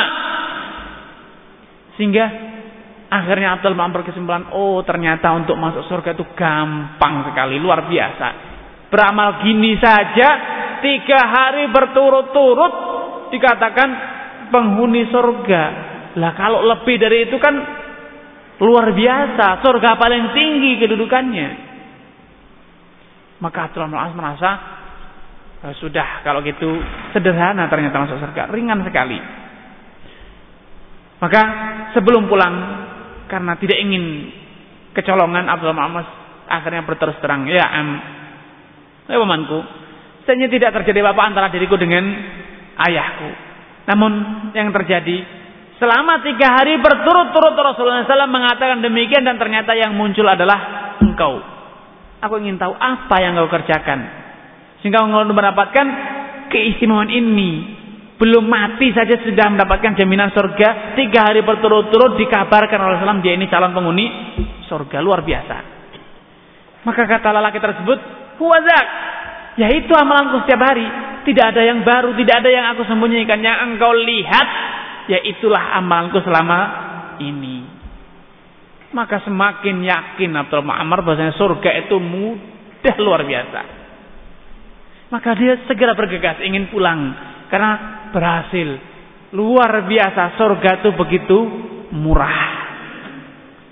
Namun ketika dia belum sempat keluar dari pintu lelaki tersebut kembali dipanggil Ya akhi wahai nak Huwazak Yang aku kerjakan ya setelah engkau lihat itu Ghairu hanya saja Ini yang catatan pentingnya la alqa musliman. Aku tidak pernah berjumpa dengan seorang muslim siapa pun dia. Illa dhanantu annahu khairun. Kecuali aku yakin dia itu lebih baik dibanding diriku. Aku tidak pernah merasa sombong. Dengan siapa pun, aku tuh selalu merasa aku tuh kok keterlaluan sekali ya. Tidak bisa seperti dia. Semua orang, semua orang muslim, dia rasa, dia kira dia itu lebih baik dia yakini dianya lah yang eh, belepotan dengan dosa. Menghilaf maafnya sedangkan orang lain itu lebih baik. Dosanya lebih kecil dosanya lebih ringan lebih sedikit dibanding dosa yang dia lakukan. Katanya aku tidak pernah berjumpa dengan muslim siapa pun dia kecuali aku meyakini dia itu lebih baik dibanding aku. Dan yang kedua wala ahsudu musliman ala nikmatin atahullah aku tidak pernah merasa iri tidak pernah merasa panas di hatiku hanya karena ada nikmat yang Allah berikan kepada seorang muslim. Aku tidak pernah merasa iri. Mau dapat apa pun saya bersyukur, saya tidak sakit hati, tidak merasa iri. Maka kata Abdul Muhammad As, Ini yang tidak bisa kita kerjakan. Ini amalan berat yang tidak bisa saya lakukan, tidak kuasa saya mengerjakannya itu senantiasa merasa orang lain itu lebih baik dibanding kita. Subhanallah. Lihatlah. Andai setiap muslim, andai setiap umat memiliki semangat seperti ini, tidak memiliki rasa sombong, rasa angkuh, tidak pernah meremehkan orang lain, senantiasa menganggap orang lain lebih baik. Kenapa lebih baik? Kenapa sahabat tersebut sampai bisa memiliki keyakinan bahwa orang yang lebih baik dibanding dirinya karena dia sadar sepenuhnya bahwa kedudukan di sisi Allah itu tidaklah dinilai dengan penampilan. Tidaklah dinilai dengan ucapan. Tidaklah dinilai dengan amalan.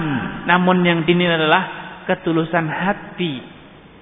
Karena Rasulullah SAW telah mengatakan, Inna Allah la yanzuru ila suwarikum wala asamikum. Allah tidak pernah melihat, tidak pernah mempertimbangkan suar penampilan kalian, uh, wajah kalian dan juga tidak pernah mempertimbangkan apa? jasad kalian mau berbadan kekar, berbadan sehat, kuat, dahinya hitam legam. Atau dahinya lehernya nunduk-nunduk. Menangis banjir bandang karena air matanya. Itu tidak itu yang dilihat. Yang dilihat oleh Allah Subhanahu wa taala adalah iman ketulusan hati, keikhlasan yang ada dalam hati karena beliau mengatakan al-imanu hahuna at-taqwa hahuna at-taqwa hahuna. Tempat bersemayam takwa itu ada di dalam hati. Walakin yanzuru ila qulubikum yang dilihat yang menjadi standar itu adalah kesucian hati. Sehingga tatkala sahabat tersebut merasakan bahwasanya semua orang itu lebih baik. Kenapa? Karena dia tahu penampilan bisa jadi lebih baik, tapi hati belum tentu. Amalan secara lahir bisa jadi lebih bagus, lebih banyak, tapi belum tentu hatinya lebih baik. Karena beliau merasa setiap orang itu lebih baik dibanding dirinya. Karena dia tahu tentang dirinya sendiri bahwa dirinya itu banyak berkelimang dalam dosa, banyak berbuat maksiat, dia sadar. Dia tahu seperti kata Rasulullah SAW, bani Adam khata, setiap manusia itu pasti banyak kesalahan. Dia sadar itu. Sehingga dia tahu dosa-dosa dia, seberapa buruk jiwanya dia tahu. Sehingga dia merasa orang lain lebih baik karena dia tahu sepenuhnya siapa dirinya. Dirinya itu penuh dengan dosa, bergelimang dalam maksiat. Sehingga dia mengira dirinya adalah orang yang paling buruk di dunia ini. Kemudian di antara yang menjadikan lelaki tersebut uh, bisa memiliki sifat kejiwaan yang luar biasa sehingga merasa orang lain itu lebih baik karena dia sadar dia tahu dia paham sepenuh, sepenuhnya bahwa ibadah kepada Allah Azza wa Jal. Amalan takwa kepada Allah Subhanahu wa taala itu bukan hanya dilihat dari satu aspek ucapan saja atau amalan saja akan tapi dilihat dari semuanya. Kemudian menyeluruh? Seperti kata Al Hasan Al Basri sal imanu bitamani wala bitahalli. Iman itu bukan hanya sekedar slogan yang diucapkan. Tapi iman itu adalah mawaqara fil qalb, sesuatu yang tertanam dalam hati bukan sekedar diucapkan, namun juga dibuktikan dalam amaliyah nyata. Dan kita pasti tahu, masing-masing kita pasti menyadari bahwa amalan kita tidak terlalu banyak. Amal kita itu sangat sedikit dan sahabat tadi merasa sadar diri bahwasanya amalan dia memang tidak banyak. Dia tidak punya uang banyak yang biar dia sedekahkan. Dan juga dia tidak banyak puasa ataupun salat malam karena memang dia tidak banyak salat malam. Sehingga dia benar-benar merasa dirinya adalah orang yang paling keterlaluan, amalannya paling sedikit dan dosanya paling banyak sehingga dia merasa semua orang itu lebih baik dibanding dirinya subhanallah. Ini kunci kenapa sahabat tersebut mendapatkan jaminan masuk surga. Tentu kita kalau kita mampu meniru, meneladani lelaki tersebut, sahabat tersebut, tentu negara kita, masyarakat kita akan damai, sentosa, aman, tidak akan ada kekacauan ataupun ketimpangan ataupun orang yang sakit hati, orang yang merasa haknya terampas tidak akan ada. Yang ada adalah damai, sentosa, aman, saling cinta mencintai, saling harga menghargai. Karena ternyata iman itu bukan dinilai dari penampilan, seperti kata Rasulullah SAW, rubba ashas akbar. Bisa jadi ada orang yang penampilan itu betul-betul tidak meyakinkan.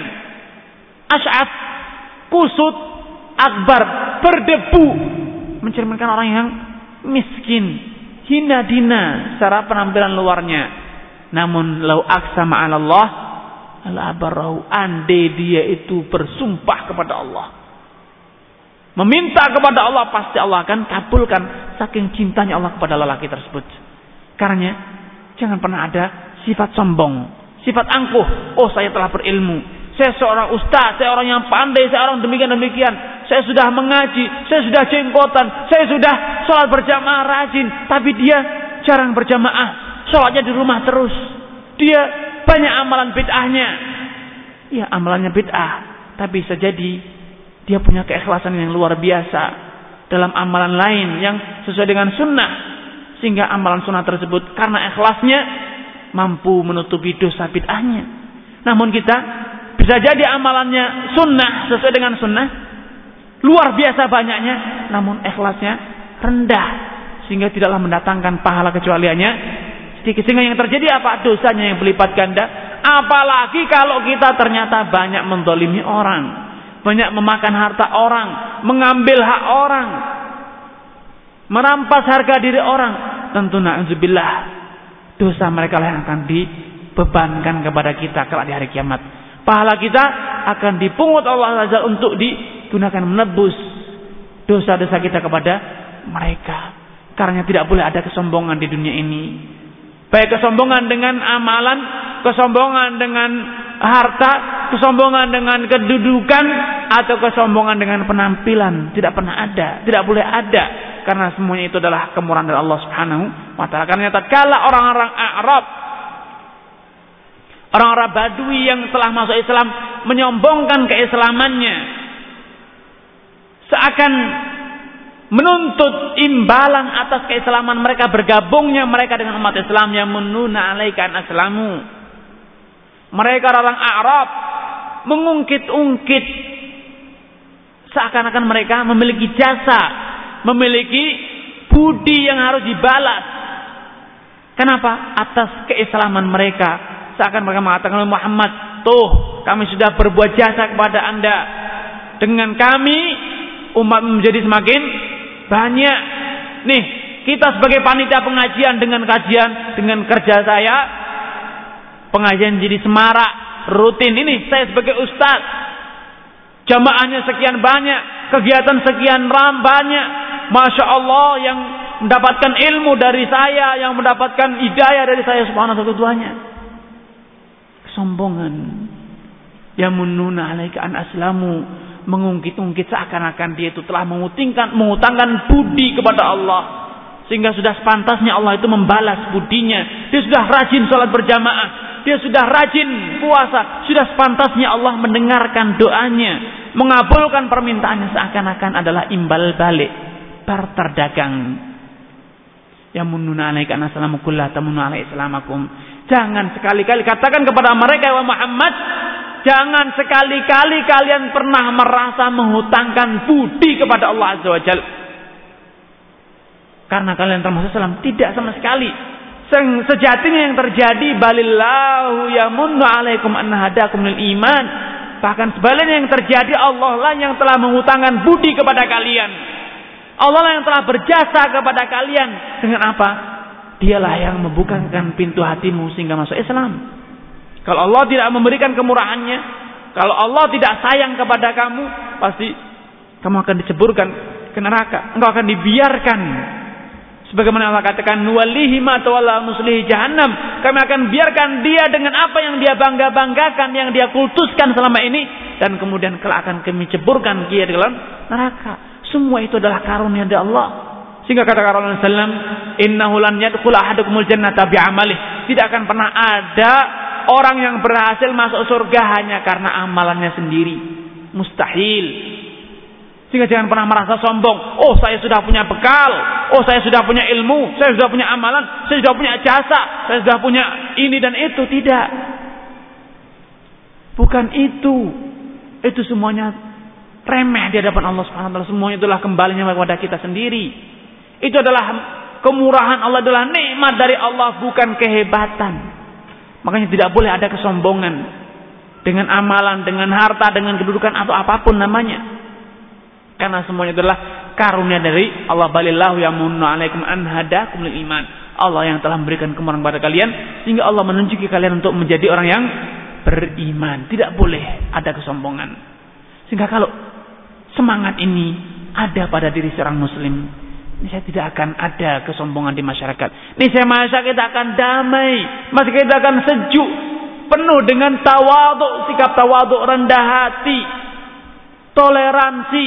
Sayang menyayangi. Tolong menolong luar biasa. Namun yang terjadi subhanallah na'udzubillah. Orang-orang yang menyombongkan amalannya. Orang-orang yang menyombongkan jasanya seakan dia itu sudah mendapatkan jaminan masuk surga seakan surga itu ada di tangannya. Sehingga sering kali kita sering kali mengklaim naudzubillah mengatakan tidak mungkin Allah ampuni dosa dia. Tidak mungkin Allah terima tobatnya seakan kita yang memiliki pintu tobat semoga Allah tidak menerima tobatnya subhanallah. Sampai pintu tobat pun kita pinta untuk ditutup. Seakan-akan Allah itu lebih sayang pada kita dibanding kepada dia. Seakan kita mengatakan pilihan ya Allah, pilih saya atau pilih dia. Subhanallah.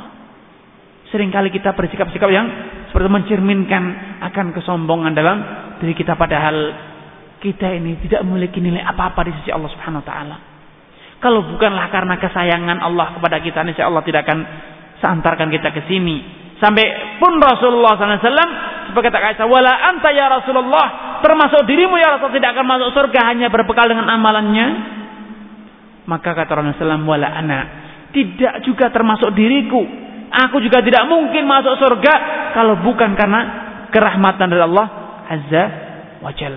Karena saudaraku seman sakidah, marilah kita tunjukkan, kita buktikan Islam yang adalah dinur rahmah agama yang mendatangkan kerahmatan, agama yang mengajarkan akhlak, agama yang mengajarkan budi pekerti yang luhur.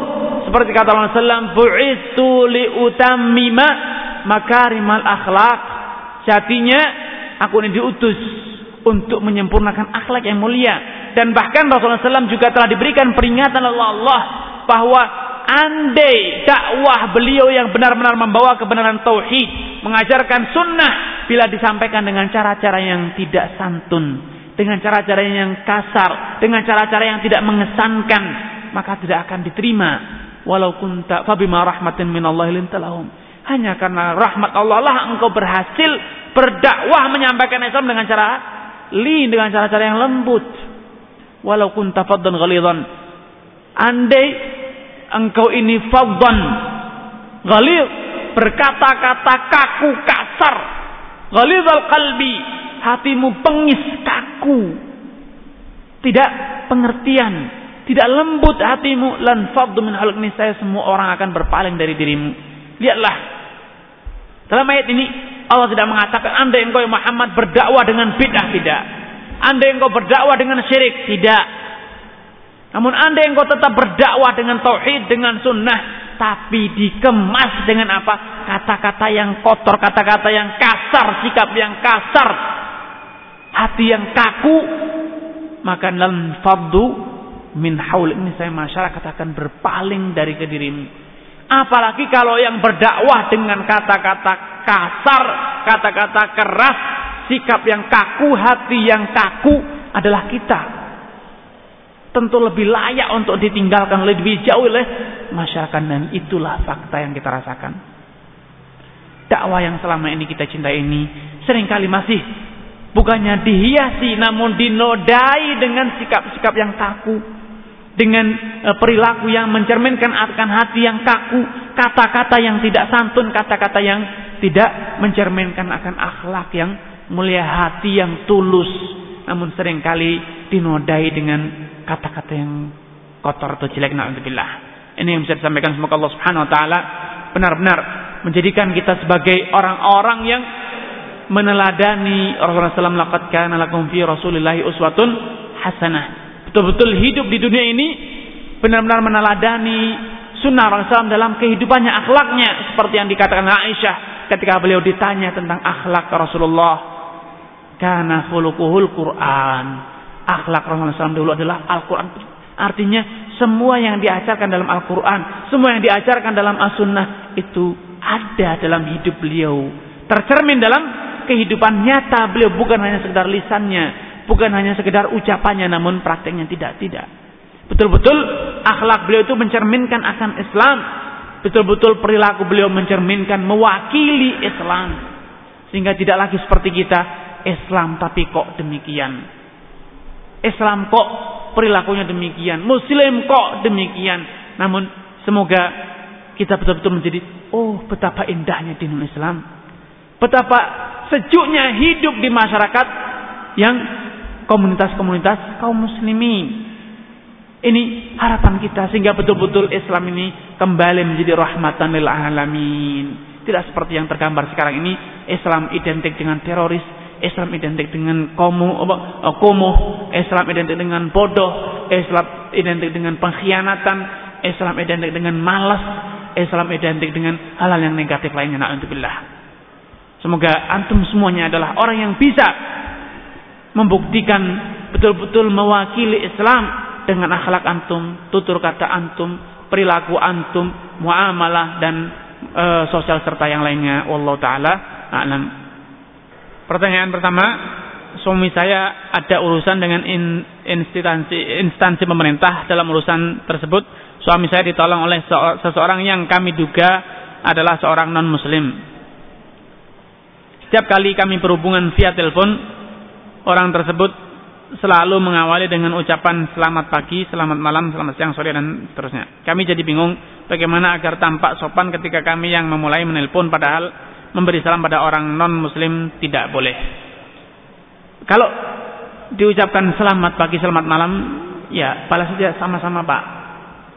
Namun kalau Anda yang nelpon tidak usah dan bahkan tidak boleh memulai salam mengucapkan selamat baik dengan selamat pagi walaupun itu bukan ucapan salam umat Islam ataupun dengan ucapan assalamualaikum. Namun ucapkanlah apa kabar Pak? Bagaimana kabar keluarga Pak?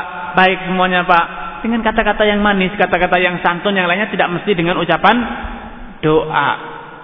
Tidak mesti dengan ucapan doa karena salam itu adalah doa. Dan orang kafir tidak sepantasnya kita doakan. Kita tanya saja, apa kabar Pak?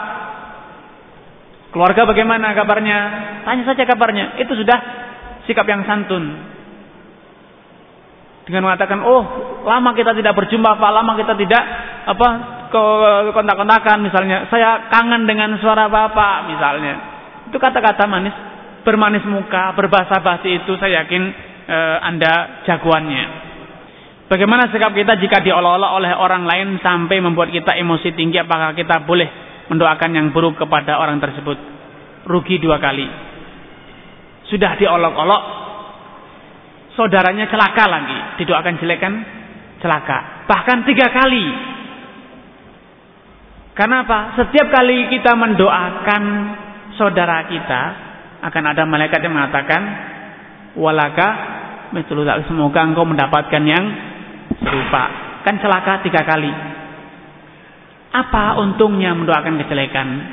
Tidakkah kita bisa meneladani sikap Rasulullah SAW yang ketika beliau berdakwah di Mekah sebagaimana yang dikisahkan oleh Aisyah ya Rasulullah Hal laqita yawman ashadda 'alaika min Uhud?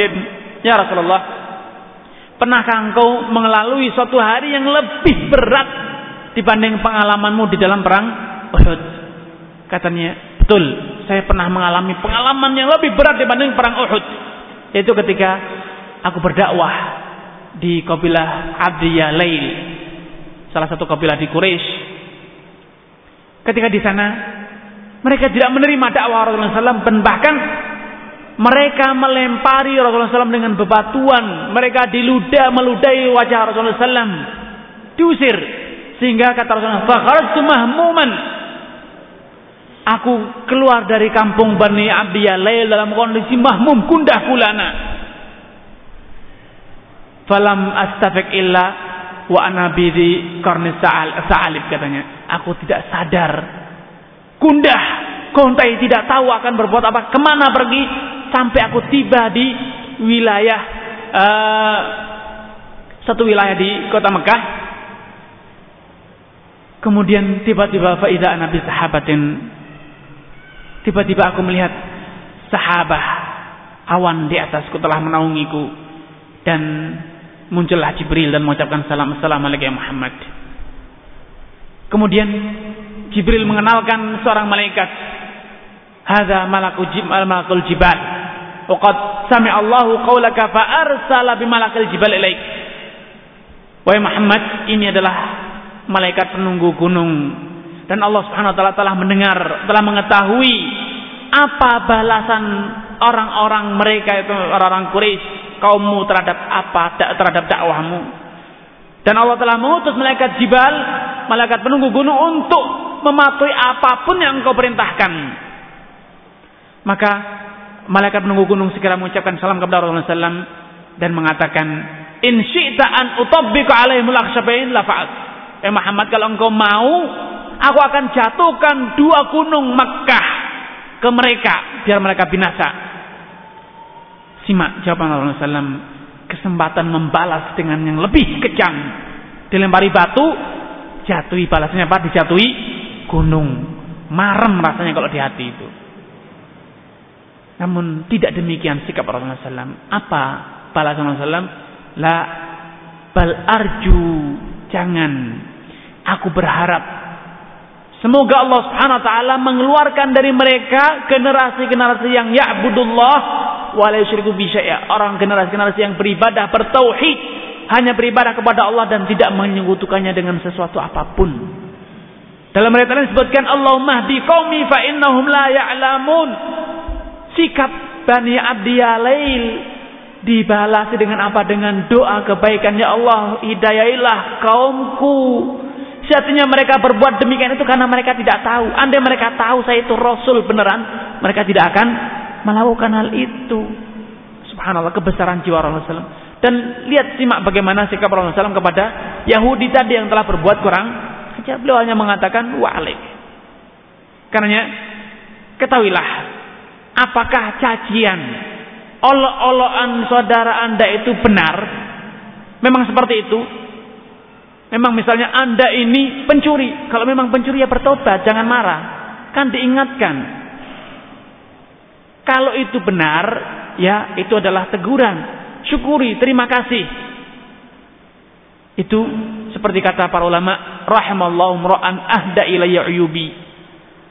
Semoga Allah Subhanahu wa taala merahmati orang yang menunjukkan aku kepada aib cacatku sehingga aku bisa membenahinya.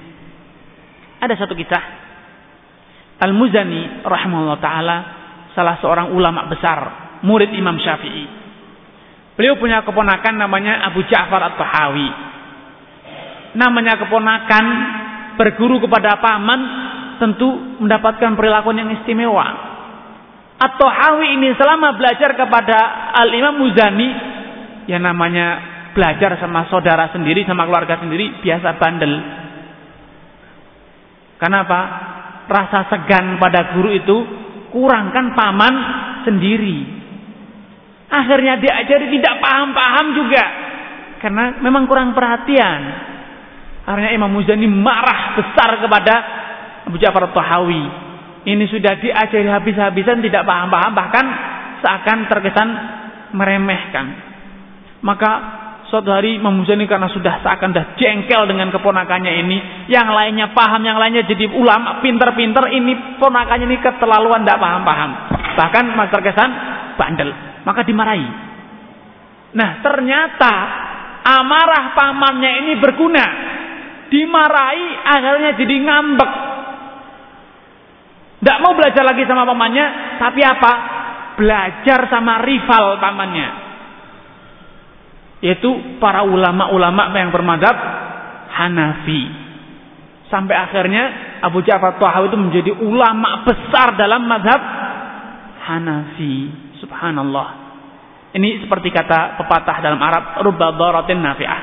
Bisa jadi sesuatu yang jelek itu berakibat baik bagi kita. Tidak perlu disesali.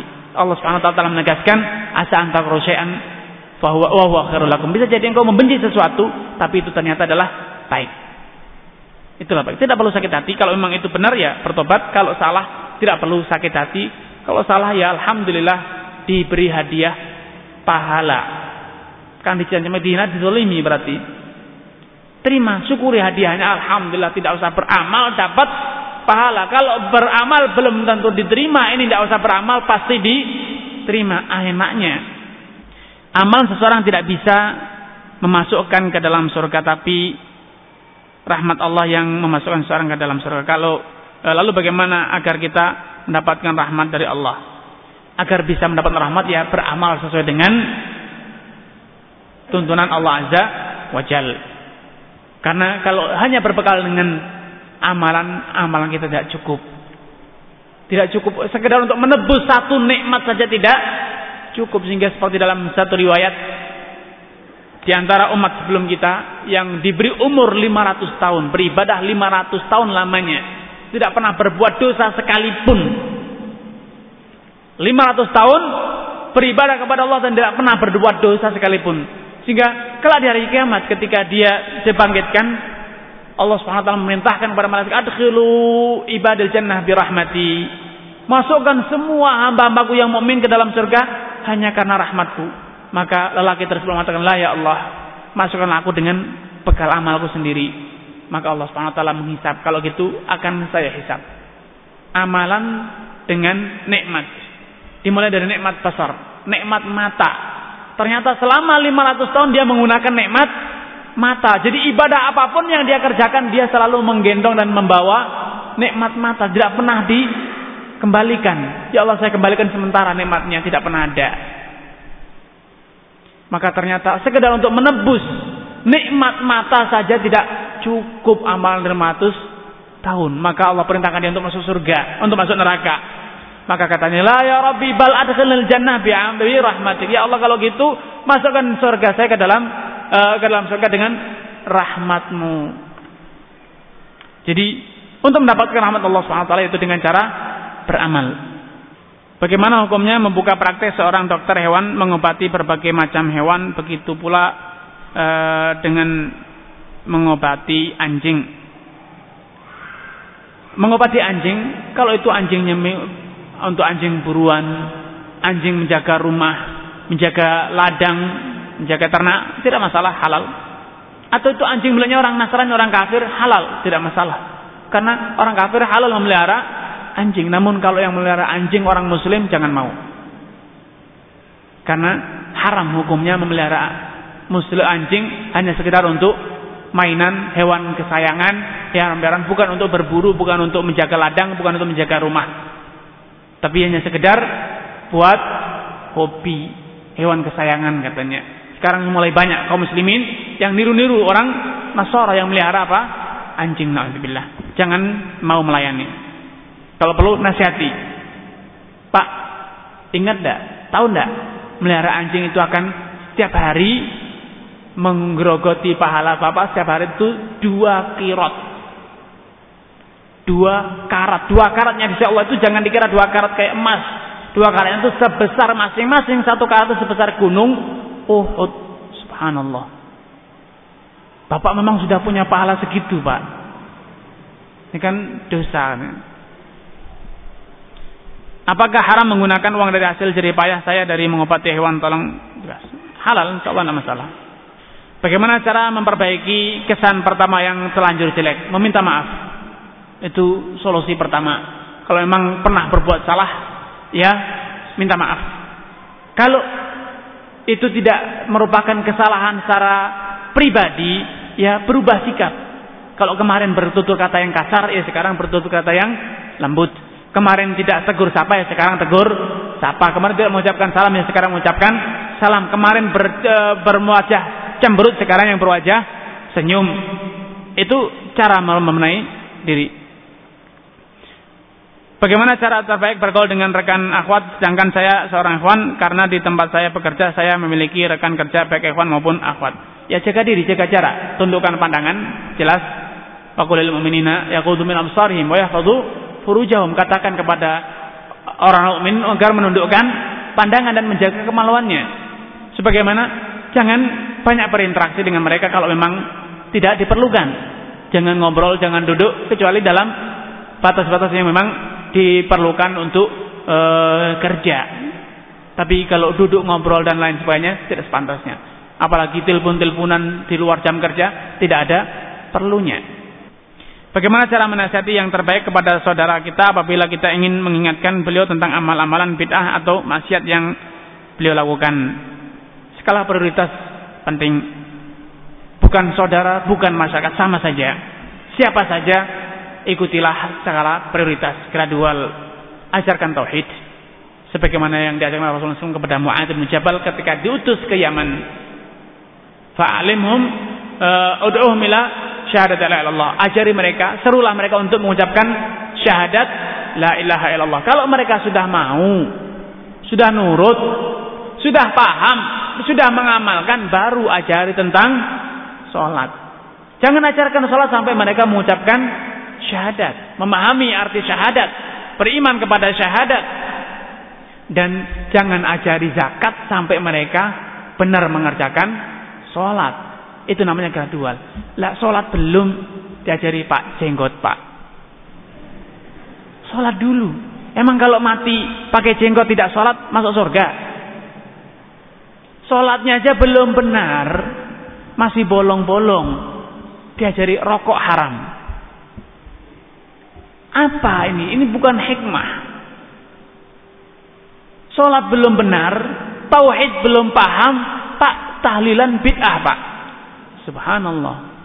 Ajarkan arti tahlilan. Apa itu la ilaha illallah dengan baik dan benar. Muhammad Rasulullah dengan baik yang benar. Apa itu? Baru yang lain. Syahadat belum tahu.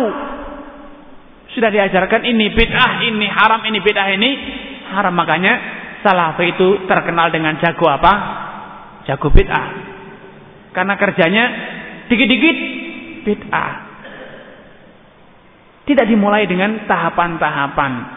Langsung bangun rumah dimulai dari atapnya. Sehingga atap ditumpuk dengan semen dengan batu ketika mau bangun bingung. Pondasi mau ditaruh mana? Batu dengan semen genting jadi satu. Itu tidak hikmah cara seperti itu. Ada gradual, ada skala prioritas. Mana yang harus dimulai? Permasalahan itu dari mana? Apalah manfaatnya kita mengajarkan bid'ah sunnah kalau ternyata dia masih musyrik?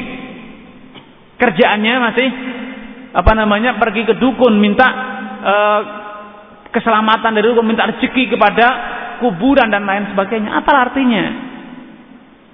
Makanya kita harus pandai dan sebelum kita berdakwah kita harus tahu siapa objek dakwah kita karena Rasulullah SAW berpesan kepada Mu'ad innaka ta'ti qauman min kitab engkau ketahuilah Mu'ad engkau akan mendatangi masyarakat yang berlatar belakangkan ahlul kitab. Artinya membutuhkan persiapan tersendiri. Jangan perlakukan mereka seperti engkau memperlakukan orang-orang Quraisy yang latar belakangnya adalah orang-orang musyrik orang-orang bodoh yang tidak punya kitab. Mereka adalah orang terpelajar. Alul kitab adalah orang terpelajar, memiliki kitab, memiliki penguasaan terhadap kitab-kitab yang ada Taurat dan Injil. Bagaimana para sahabat dahulu bila berkunjung apa saja yang mereka lakukan di dalamnya apa saja ada bedapnya.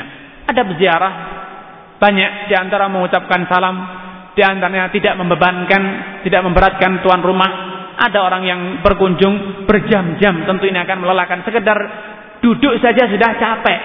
Padahal tuan rumah punya pekerjaan, punya apa tanggung jawab yang harus diselesaikan. Kalau kita berkunjung terlalu lama tentu tidak baik. Kalau kita telah berkunjung terlalu pendek juga tidak baik. Kita harus tahu diri berapa lama kita berkunjung, kapan kita berkunjung waktunya. Kemudian ketika berkunjung bicarakan yang baik. Seringkali berkunjung itu hanya sekedar untuk menghibai, untuk mengadu domba dan lain sebagainya. Bagaimana jika kita jika kitalah orang yang mendapat kesan yang buruk dari orang lain, apa yang harus kita lakukan? Bagaimana cara kita merubah akhlak kita menjadi seperti apa yang antum jelaskan sehingga tidak dipahami oleh orang lain sebagai perubahan yang aneh? Ini permasalahan. Antum mau berakhlak baik karena orang atau karena lillah?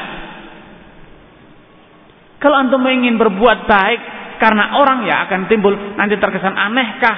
Oh perubahankah? Oh nanti tidak enak hatikah? Oh nanti mengakui kesalahan itu persepsi orang. Biarkan. Standar kita apa? Inilah ajaran syariat. Kalau ditegur orang, weh berubah ya. Kemarin kakunya tidak salam, sekarang nyadar ya kalau punya saudara ya. Ya Alhamdulillah Pak, saya kemarin salah. Saya khilaf, akuin saja. Kenapa? Apa susahnya? Oh, ternyata sudah kita sekarang sering kali kan banyak orang yang tidak mengucapkan salam. Ketika mengucapkan salam, tumben Dibilang temen, tidak masalah. Kan tidak apa-apa mengucapkan salam kemarin tidak mengucapkan itu kan baik. Alhamdulillah saya khilaf kemarin tidak mengucapkan salam sesama saudara muslim. Saya khilaf kemarin tidak senyum, tidak berwajah yang manis. Apa salahnya? Jadi tidak perlu kita mempertimbangkan persepsi selama itu benar dan tidak menimbulkan yang e, negatif. Di rumah anak ada dua masjid yang satu masjid di depan rumah tapi ada kebedaannya yang satu masjid agak jauh dari rumah tata caranya ada tuntunannya dari Nabi. Anak milih masjid yang agak jauh dari rumah bolehkah cara ini? Tidak bisa dijawab karena sesuai dengan kondisi. Kalau sikap memilih masjid yang jauh itu menimbulkan hal yang negatif, kesan eksklusif, kemudian kedua menimbulkan kebencian terhadap sunnah, sehingga amalan bid'ah yang tadinya hanya satu di sini akhirnya dilipat gandakan untuk semakin menjadikan antum tidak pernah menginjakkan kaki di masjid ini, semakin menjadi uh, menimbulkan gap di masyarakat dan semakin masyarakat itu benci terhadap dakwah. Tentu ini tidak yang bijak. Akan lebih baik kalau kita berinteraksi datang dan berdiskusi dengan cara baik bertukar pengalaman melalui dengan cara-cara sering kali sering kali kita itu to the point. Ini kesalahan kita. Baru datang langsung pak itu azannya bid'ah pak. Kenapa cara seperti itu? Kok tidak muter-muter dulu? Basa-basi dulu? Dengan cara yang lembut? Bertanya apa salahnya? Betapa banyak orang yang mengingkari kemurahan itu dengan cara bertanya Pak saya ingin tahu saya ini orang bodoh sebelum adzan kok pakai baca sholawat macam-macam apa sih dalilnya apa dasarnya apa dulu Bilal kalau adzan gitu Pak gitu. tanya kalau memang ternyata iya kan dapat ilmu. Kalau ternyata tidak, ya kan berarti kan sudah mengingkari. Oh ternyata berarti azan saya tidak sama dengan azan Bilal ya. Minimal muncul pesan itu. Sehingga walaupun tidak sekarang berubah tapi sudah tertanam. Tidak mulai apa mulai masuk pertimbangan. Oh ternyata ya mereka tidak mau pakai ini karena Bilalnya saja tidak pakai.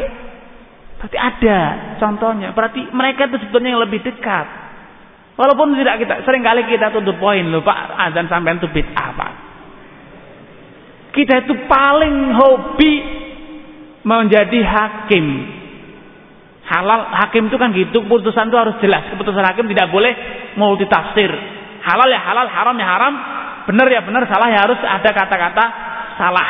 Dihukumi ya harus ada kata setahun dua tahun. Tidak boleh dihukumi dengan kata-kata yang ngambang seperti itu. Itu hakim. Nah kita sering kali bersikap sebagai hakim padahal kita bukan hakim namun kita adalah dai penyebar dakwah dai itu harus luwes kalau kata-kata bid'ah itu terasa panas di telinga ya kenapa harus dipakai pakai saja pak tanya dalilnya apa pak ya ada adanya enggak?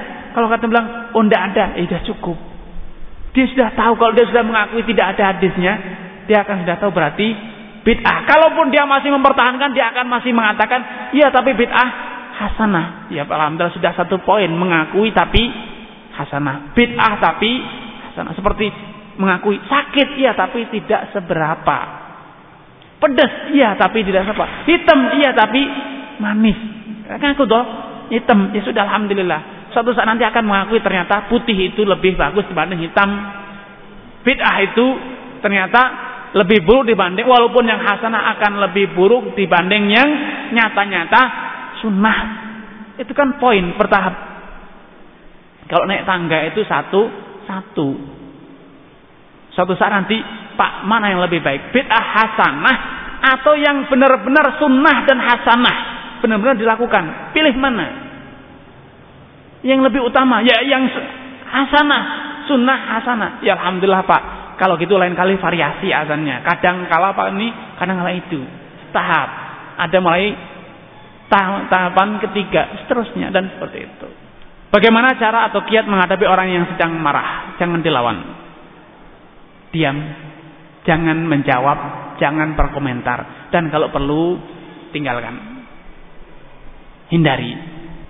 Apa penyebab saudari-saudari kita yang sudah taklim dan sudah bercadar justru terkesan angker, sombong, kaku dalam bergaul, tidak mau membaur dengan orang awam. Terkadang terkesan meremehkan apa yang salah Ustaz. Itu tadi yang salah, sudah tahu salah, ditanyakan. Salahnya itu adalah terkesan sombong, tidak pandai bergaul, kaku dalam bergaul. Ini kan sudah nyata-nyata salah. Kok apa yang salah? Ya ini yang salah. Yang salah adalah itu kaku, terkesan sombong. Ya jangan terkesan sombong. Ramah, santun, tawadu, itu yang baik. Tapi kalau terkesan sombong itu tuh salah. Jadi salahnya itu adalah itu. Jadi sudah tahu penyakitnya, tinggal diobati. Jadi tidak perlu ditanyakan lagi. Bagaimana cara menghadapi pemimpin di kantor yang kadang nyelekit tutur katanya? Itu biasanya orang yang arogan, merasa punya kekuasaan seperti itu. Ya, sadarilah itu resiko menjadi bawahan. Resiko jadi ekor itu itu pertama itu adalah itu. Ekor ikan itu lihatlah ikan. Ikan itu di saat dia butuh makan, ekornya digerak-gerakkan. Disuruh bekerja habis-habisan. Tapi kalau sudah dapat makan, ekornya pasti diem. Tidak ada ikan makan, ekornya masih ngopak-ngopak. Karena kalau ngopak-ngopak pasti akan pergi, dia akan makan. Pasti diem kalau dia makan. Itu namanya resiko. Jadi tahu diri. Jadi nyelekit karena memang dimarahi, yaitu wajar jadi bawahan dimarahi oleh atasan. Nah, jadi bawahan pengen marahi atasan ya ini kan bermasalah. Itu poin pertama sadari diri, status karena bisa jadi nyelekit itu hanya persepsi kita. Tapi bagi dia, dia juga pegel hatinya ini punya karyawan kok lelet aja. Jadi tahu diri. Jangan hanya melihat ini bos ini kalau marahin nyakit hatiin aja. Jangan mengatakan kalian ini kalau gajian pas mintanya tapi kalau kerja telat. Ya kan wajar. Memang seperti itu kenyataannya kan. Anda mau gajinya ditunda sehari saja? Mengharapkan hari ini keluar rumah dengan keluarga belanja ternyata kata bos besok gajiannya. Tidak mau kan? Sama bosnya juga tidak mau. Para karyawan kok telat 5 menit, kamu 5 menit ini 10 menit itu 5 menit lagi habis perusahaan saya. Kalian mau saya bangkrut. Jelekit. Itu memang kenyataan seperti itu. Fakta. Maka harus tahu diri apa yang dikatakan jelekit itu apakah menurut kita atau menurut dia atau menurut dua-duanya. Jadi kita harus tahu. Kemudian selanjutnya Uh, kalau nyelekit itu memang kata-kata yang tidak santun, yang tidak beralasan, ya diingatkan. Amar ma'ruf itu tidak ada batasannya. Tidak ada batasannya. Contohkan, biasanya orang bertutur kata kasar, kalau dihadapi dengan cara yang santun, itu biasanya akan malu sungkan. Akan malu. Bagaimana bermuamalah dengan tetangga yang kafir, yang cuek dan suami yang juga melarang untuk berhubungan dengan mereka? Ya kalau memang sudah dilarang oleh suami ya jangan berhubungan. Tapi ada lebih ada baiknya kalau kita berinteraksi karena bisa jadi dengan mereka cuek kita berakhlak baik, mereka akan simpati. Jangan hanya bisa membalas. Kalau mereka baik kita berbuat baik. Kalaupun mereka berbuat jahat, apa salahnya kalau kita berbuat baik? Dengan cara itu bisa jadi dia simpati dan masuk Islam.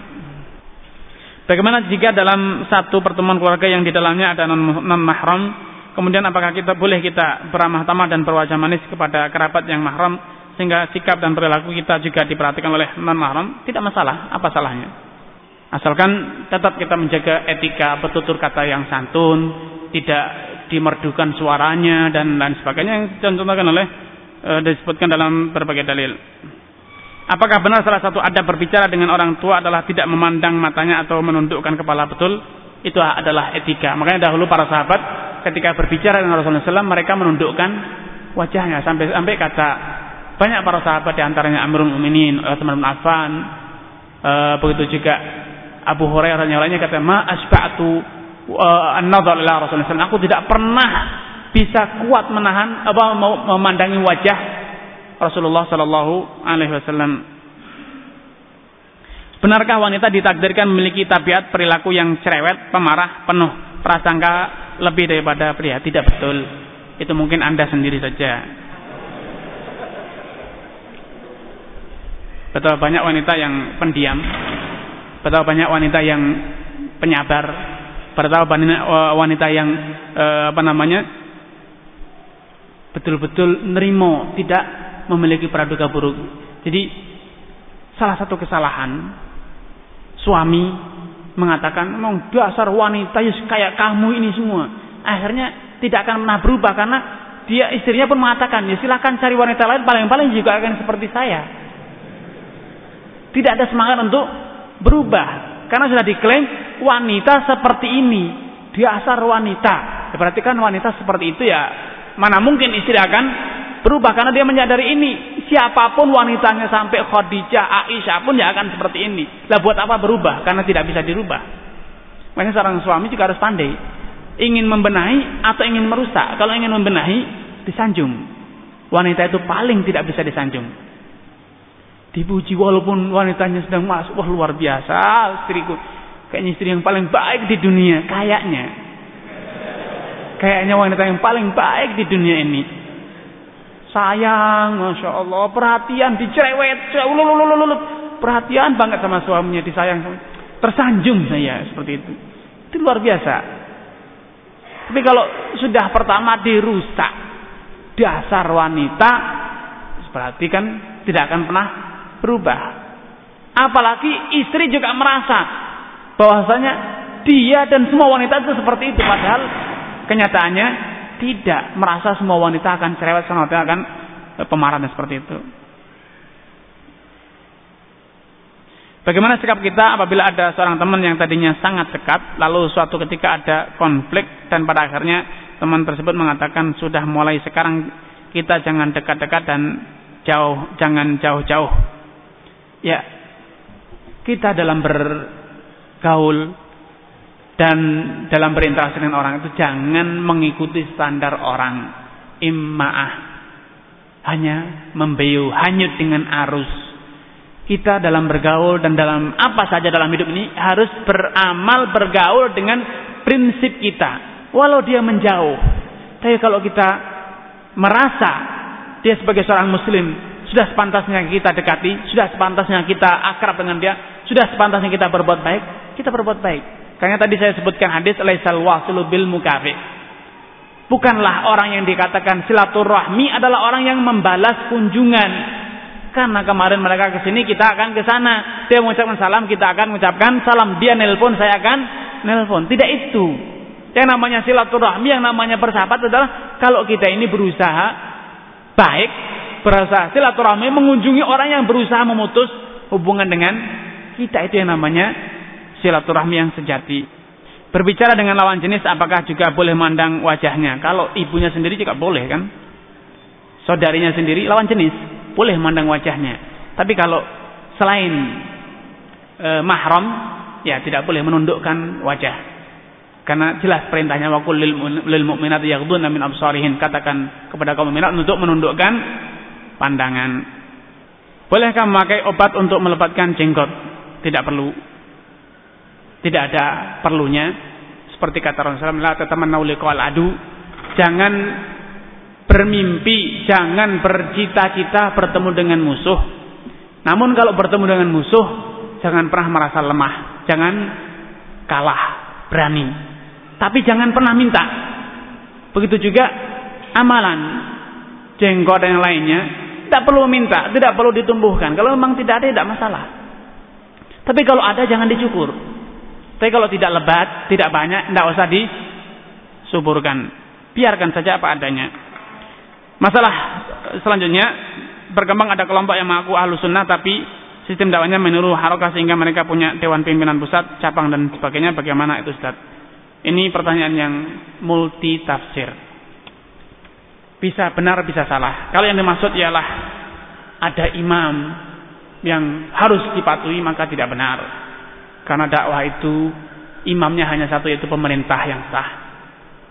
Tapi kalau yang dimaksud ialah membuat organisasi atau organisasi itu memiliki cabang untuk memudahkan kegiatan dakwah maka itu satu hal yang baik, tidak masalah. Bukan masalah yang perlu dikhawatirkan. Berkenaan dengan artikel di majalah pengusaha muslim edisi 27 bulan Mei, jika ada seorang buruh bangunan perumahan, buruh ini digaji oleh mandor, kemudian suatu ketika datang pemilik rumah yang rumahnya sedang dibangun oleh buruh tersebut, kemudian memberi buruh tersebut uang dengan dalih tambahan bonus tunjangan buat keluarga dan agar kerja lebih cepat. Apakah ini termasuk korupsi, Ustaz? Karena yang anak pahami sesudah membaca artikel itu di majalah PM, Korupsi atau itu memberi disertai keinginan untuk mendapatkan sesuatu dari orang yang diberi bagaimana Ustaz? Kalau kasusnya seperti tadi, pekerja bangunan yang dia itu bangunan rumahnya dikerjakan oleh kontraktor, dikontrakkan, sehingga diborong oleh seseorang, maka memberi apa namanya e, karyawannya memberi memberi karyawannya itu apa pekerja penggunanya tips atau hadiah atau apa namanya tanpa seizin perusahaan yang terkait yang mempekerjakan mereka kalau itu kerja borongan. Maka ini e, bisa dikategorikan sebagai suap karena bisa jadi kesepakatan kontrak itu setahun misalnya. Sedangkan kontraktor itu memiliki dua pekerjaan dua tiga dua tiga pekerjaan yang itu dikerjakan bersama-sama. Namun karena e, apa namanya e, salah satu pemilik proyek memberi tips kepada karyawannya atau yang lain sehingga mereka lebih bersemangat mengerjakan sini sehingga lebih selesai. Sedangkan yang lainnya ditunda tunda. Ini tentu pekerjaan yang tidak benar itu bisa dikatakan dalam suap. Namun kalau mandor dan karyawannya kita yang bayar ya terserah kita kita yang punya pekerjaan.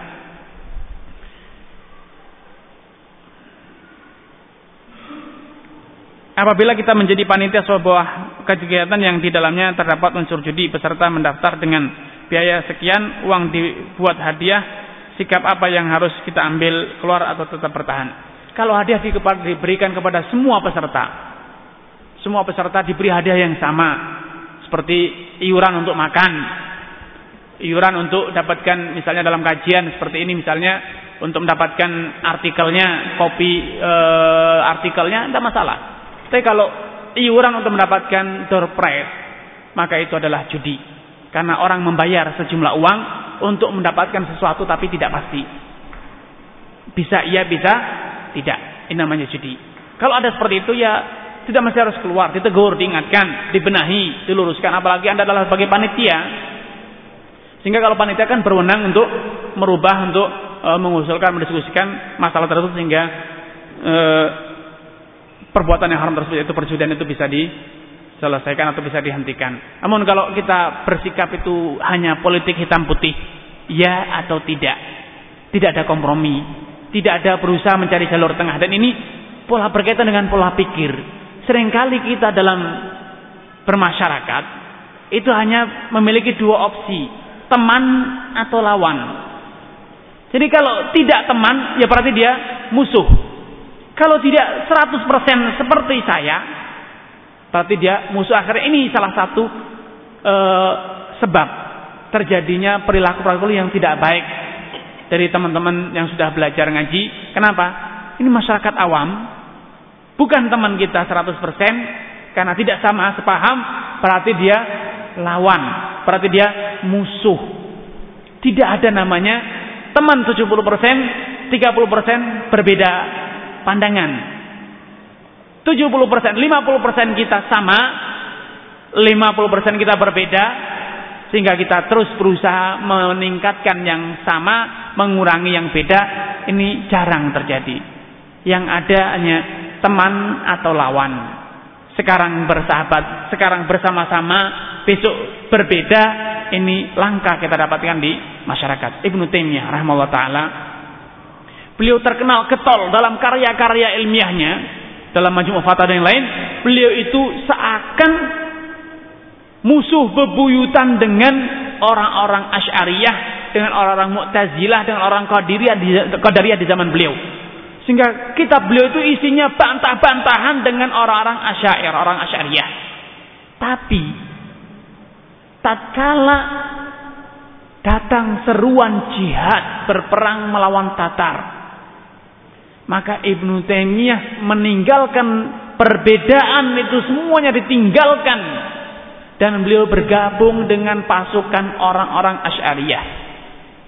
Bersatu padu menghadapi siapa? Musuh bersama. Itu siapa?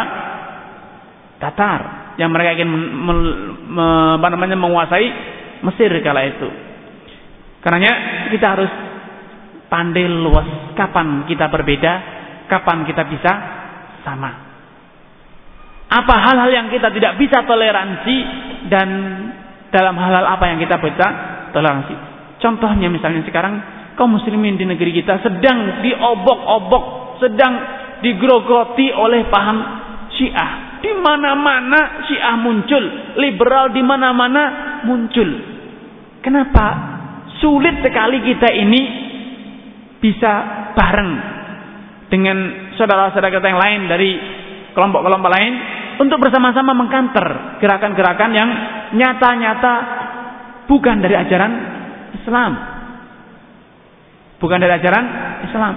Harusnya kita bisa bersama-sama untuk mengkanter gerakan-gerakan yang nyata-nyata. Ahmadiyah, kita bersama-sama dengan yang lain untuk mengkanter gerakan-gerakan semacam itu. Di dalam tasyahud jari telunjuk digerak-gerakan atau diam. Dua-duanya boleh. Tidak masalah. Itu hanya amalan sunnah yang mau mengerjakan. Silahkan yang tidak juga tidak apa-apa. Begitu juga dalam duduk tasyahud pertama. Tawaruk atau iftiras. Duduk seperti duduk terakhir, tasyahud terakhir. Atau duduk ee, dengan seperti tasyahud pertama. Yaitu ketika salat dua rakaat. Salat tahiyatul masjid, salat subuh. Apakah iftiras? Yaitu duduk seperti dalam tasyahud pertama atau duduk tawaruk seperti duduk dalam tasyahud kedua. Dua-duanya boleh. Tidak ada dalil yang tegas dalam masalah ini, hanya perbedaan sudut pandang para ulama saja dalam menyimpulkan, dalam berdalil. Sehingga apa pun yang dikerjakan boleh. Karena khilaf di situ, khilaf para ulama dalam masalah ini hanya sekedar khilaf dalam masalah afdol. Mana yang lebih utama. Silakan yang berpendapat yang utama adalah iftiras alhamdulillah. Silahkan beramal dengan pendapatnya. Yang berpendapat merasa yang afdol ialah dengan tawaruk juga silahkan. Tidak perlu dipertentangkan. Toh kita juga bukan ulama yang layak untuk mempertentangkan mempertentangkan.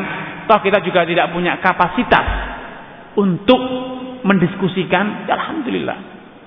Masing-masing beramal sesuai dengan apa yang dia yakini. Kalau dia merasa bahwasanya ulama fulan yang bertempat A yaitu iftiras atau menggerakkan jari. Menurut dia lebih alim dia lebih percaya ya silahkan.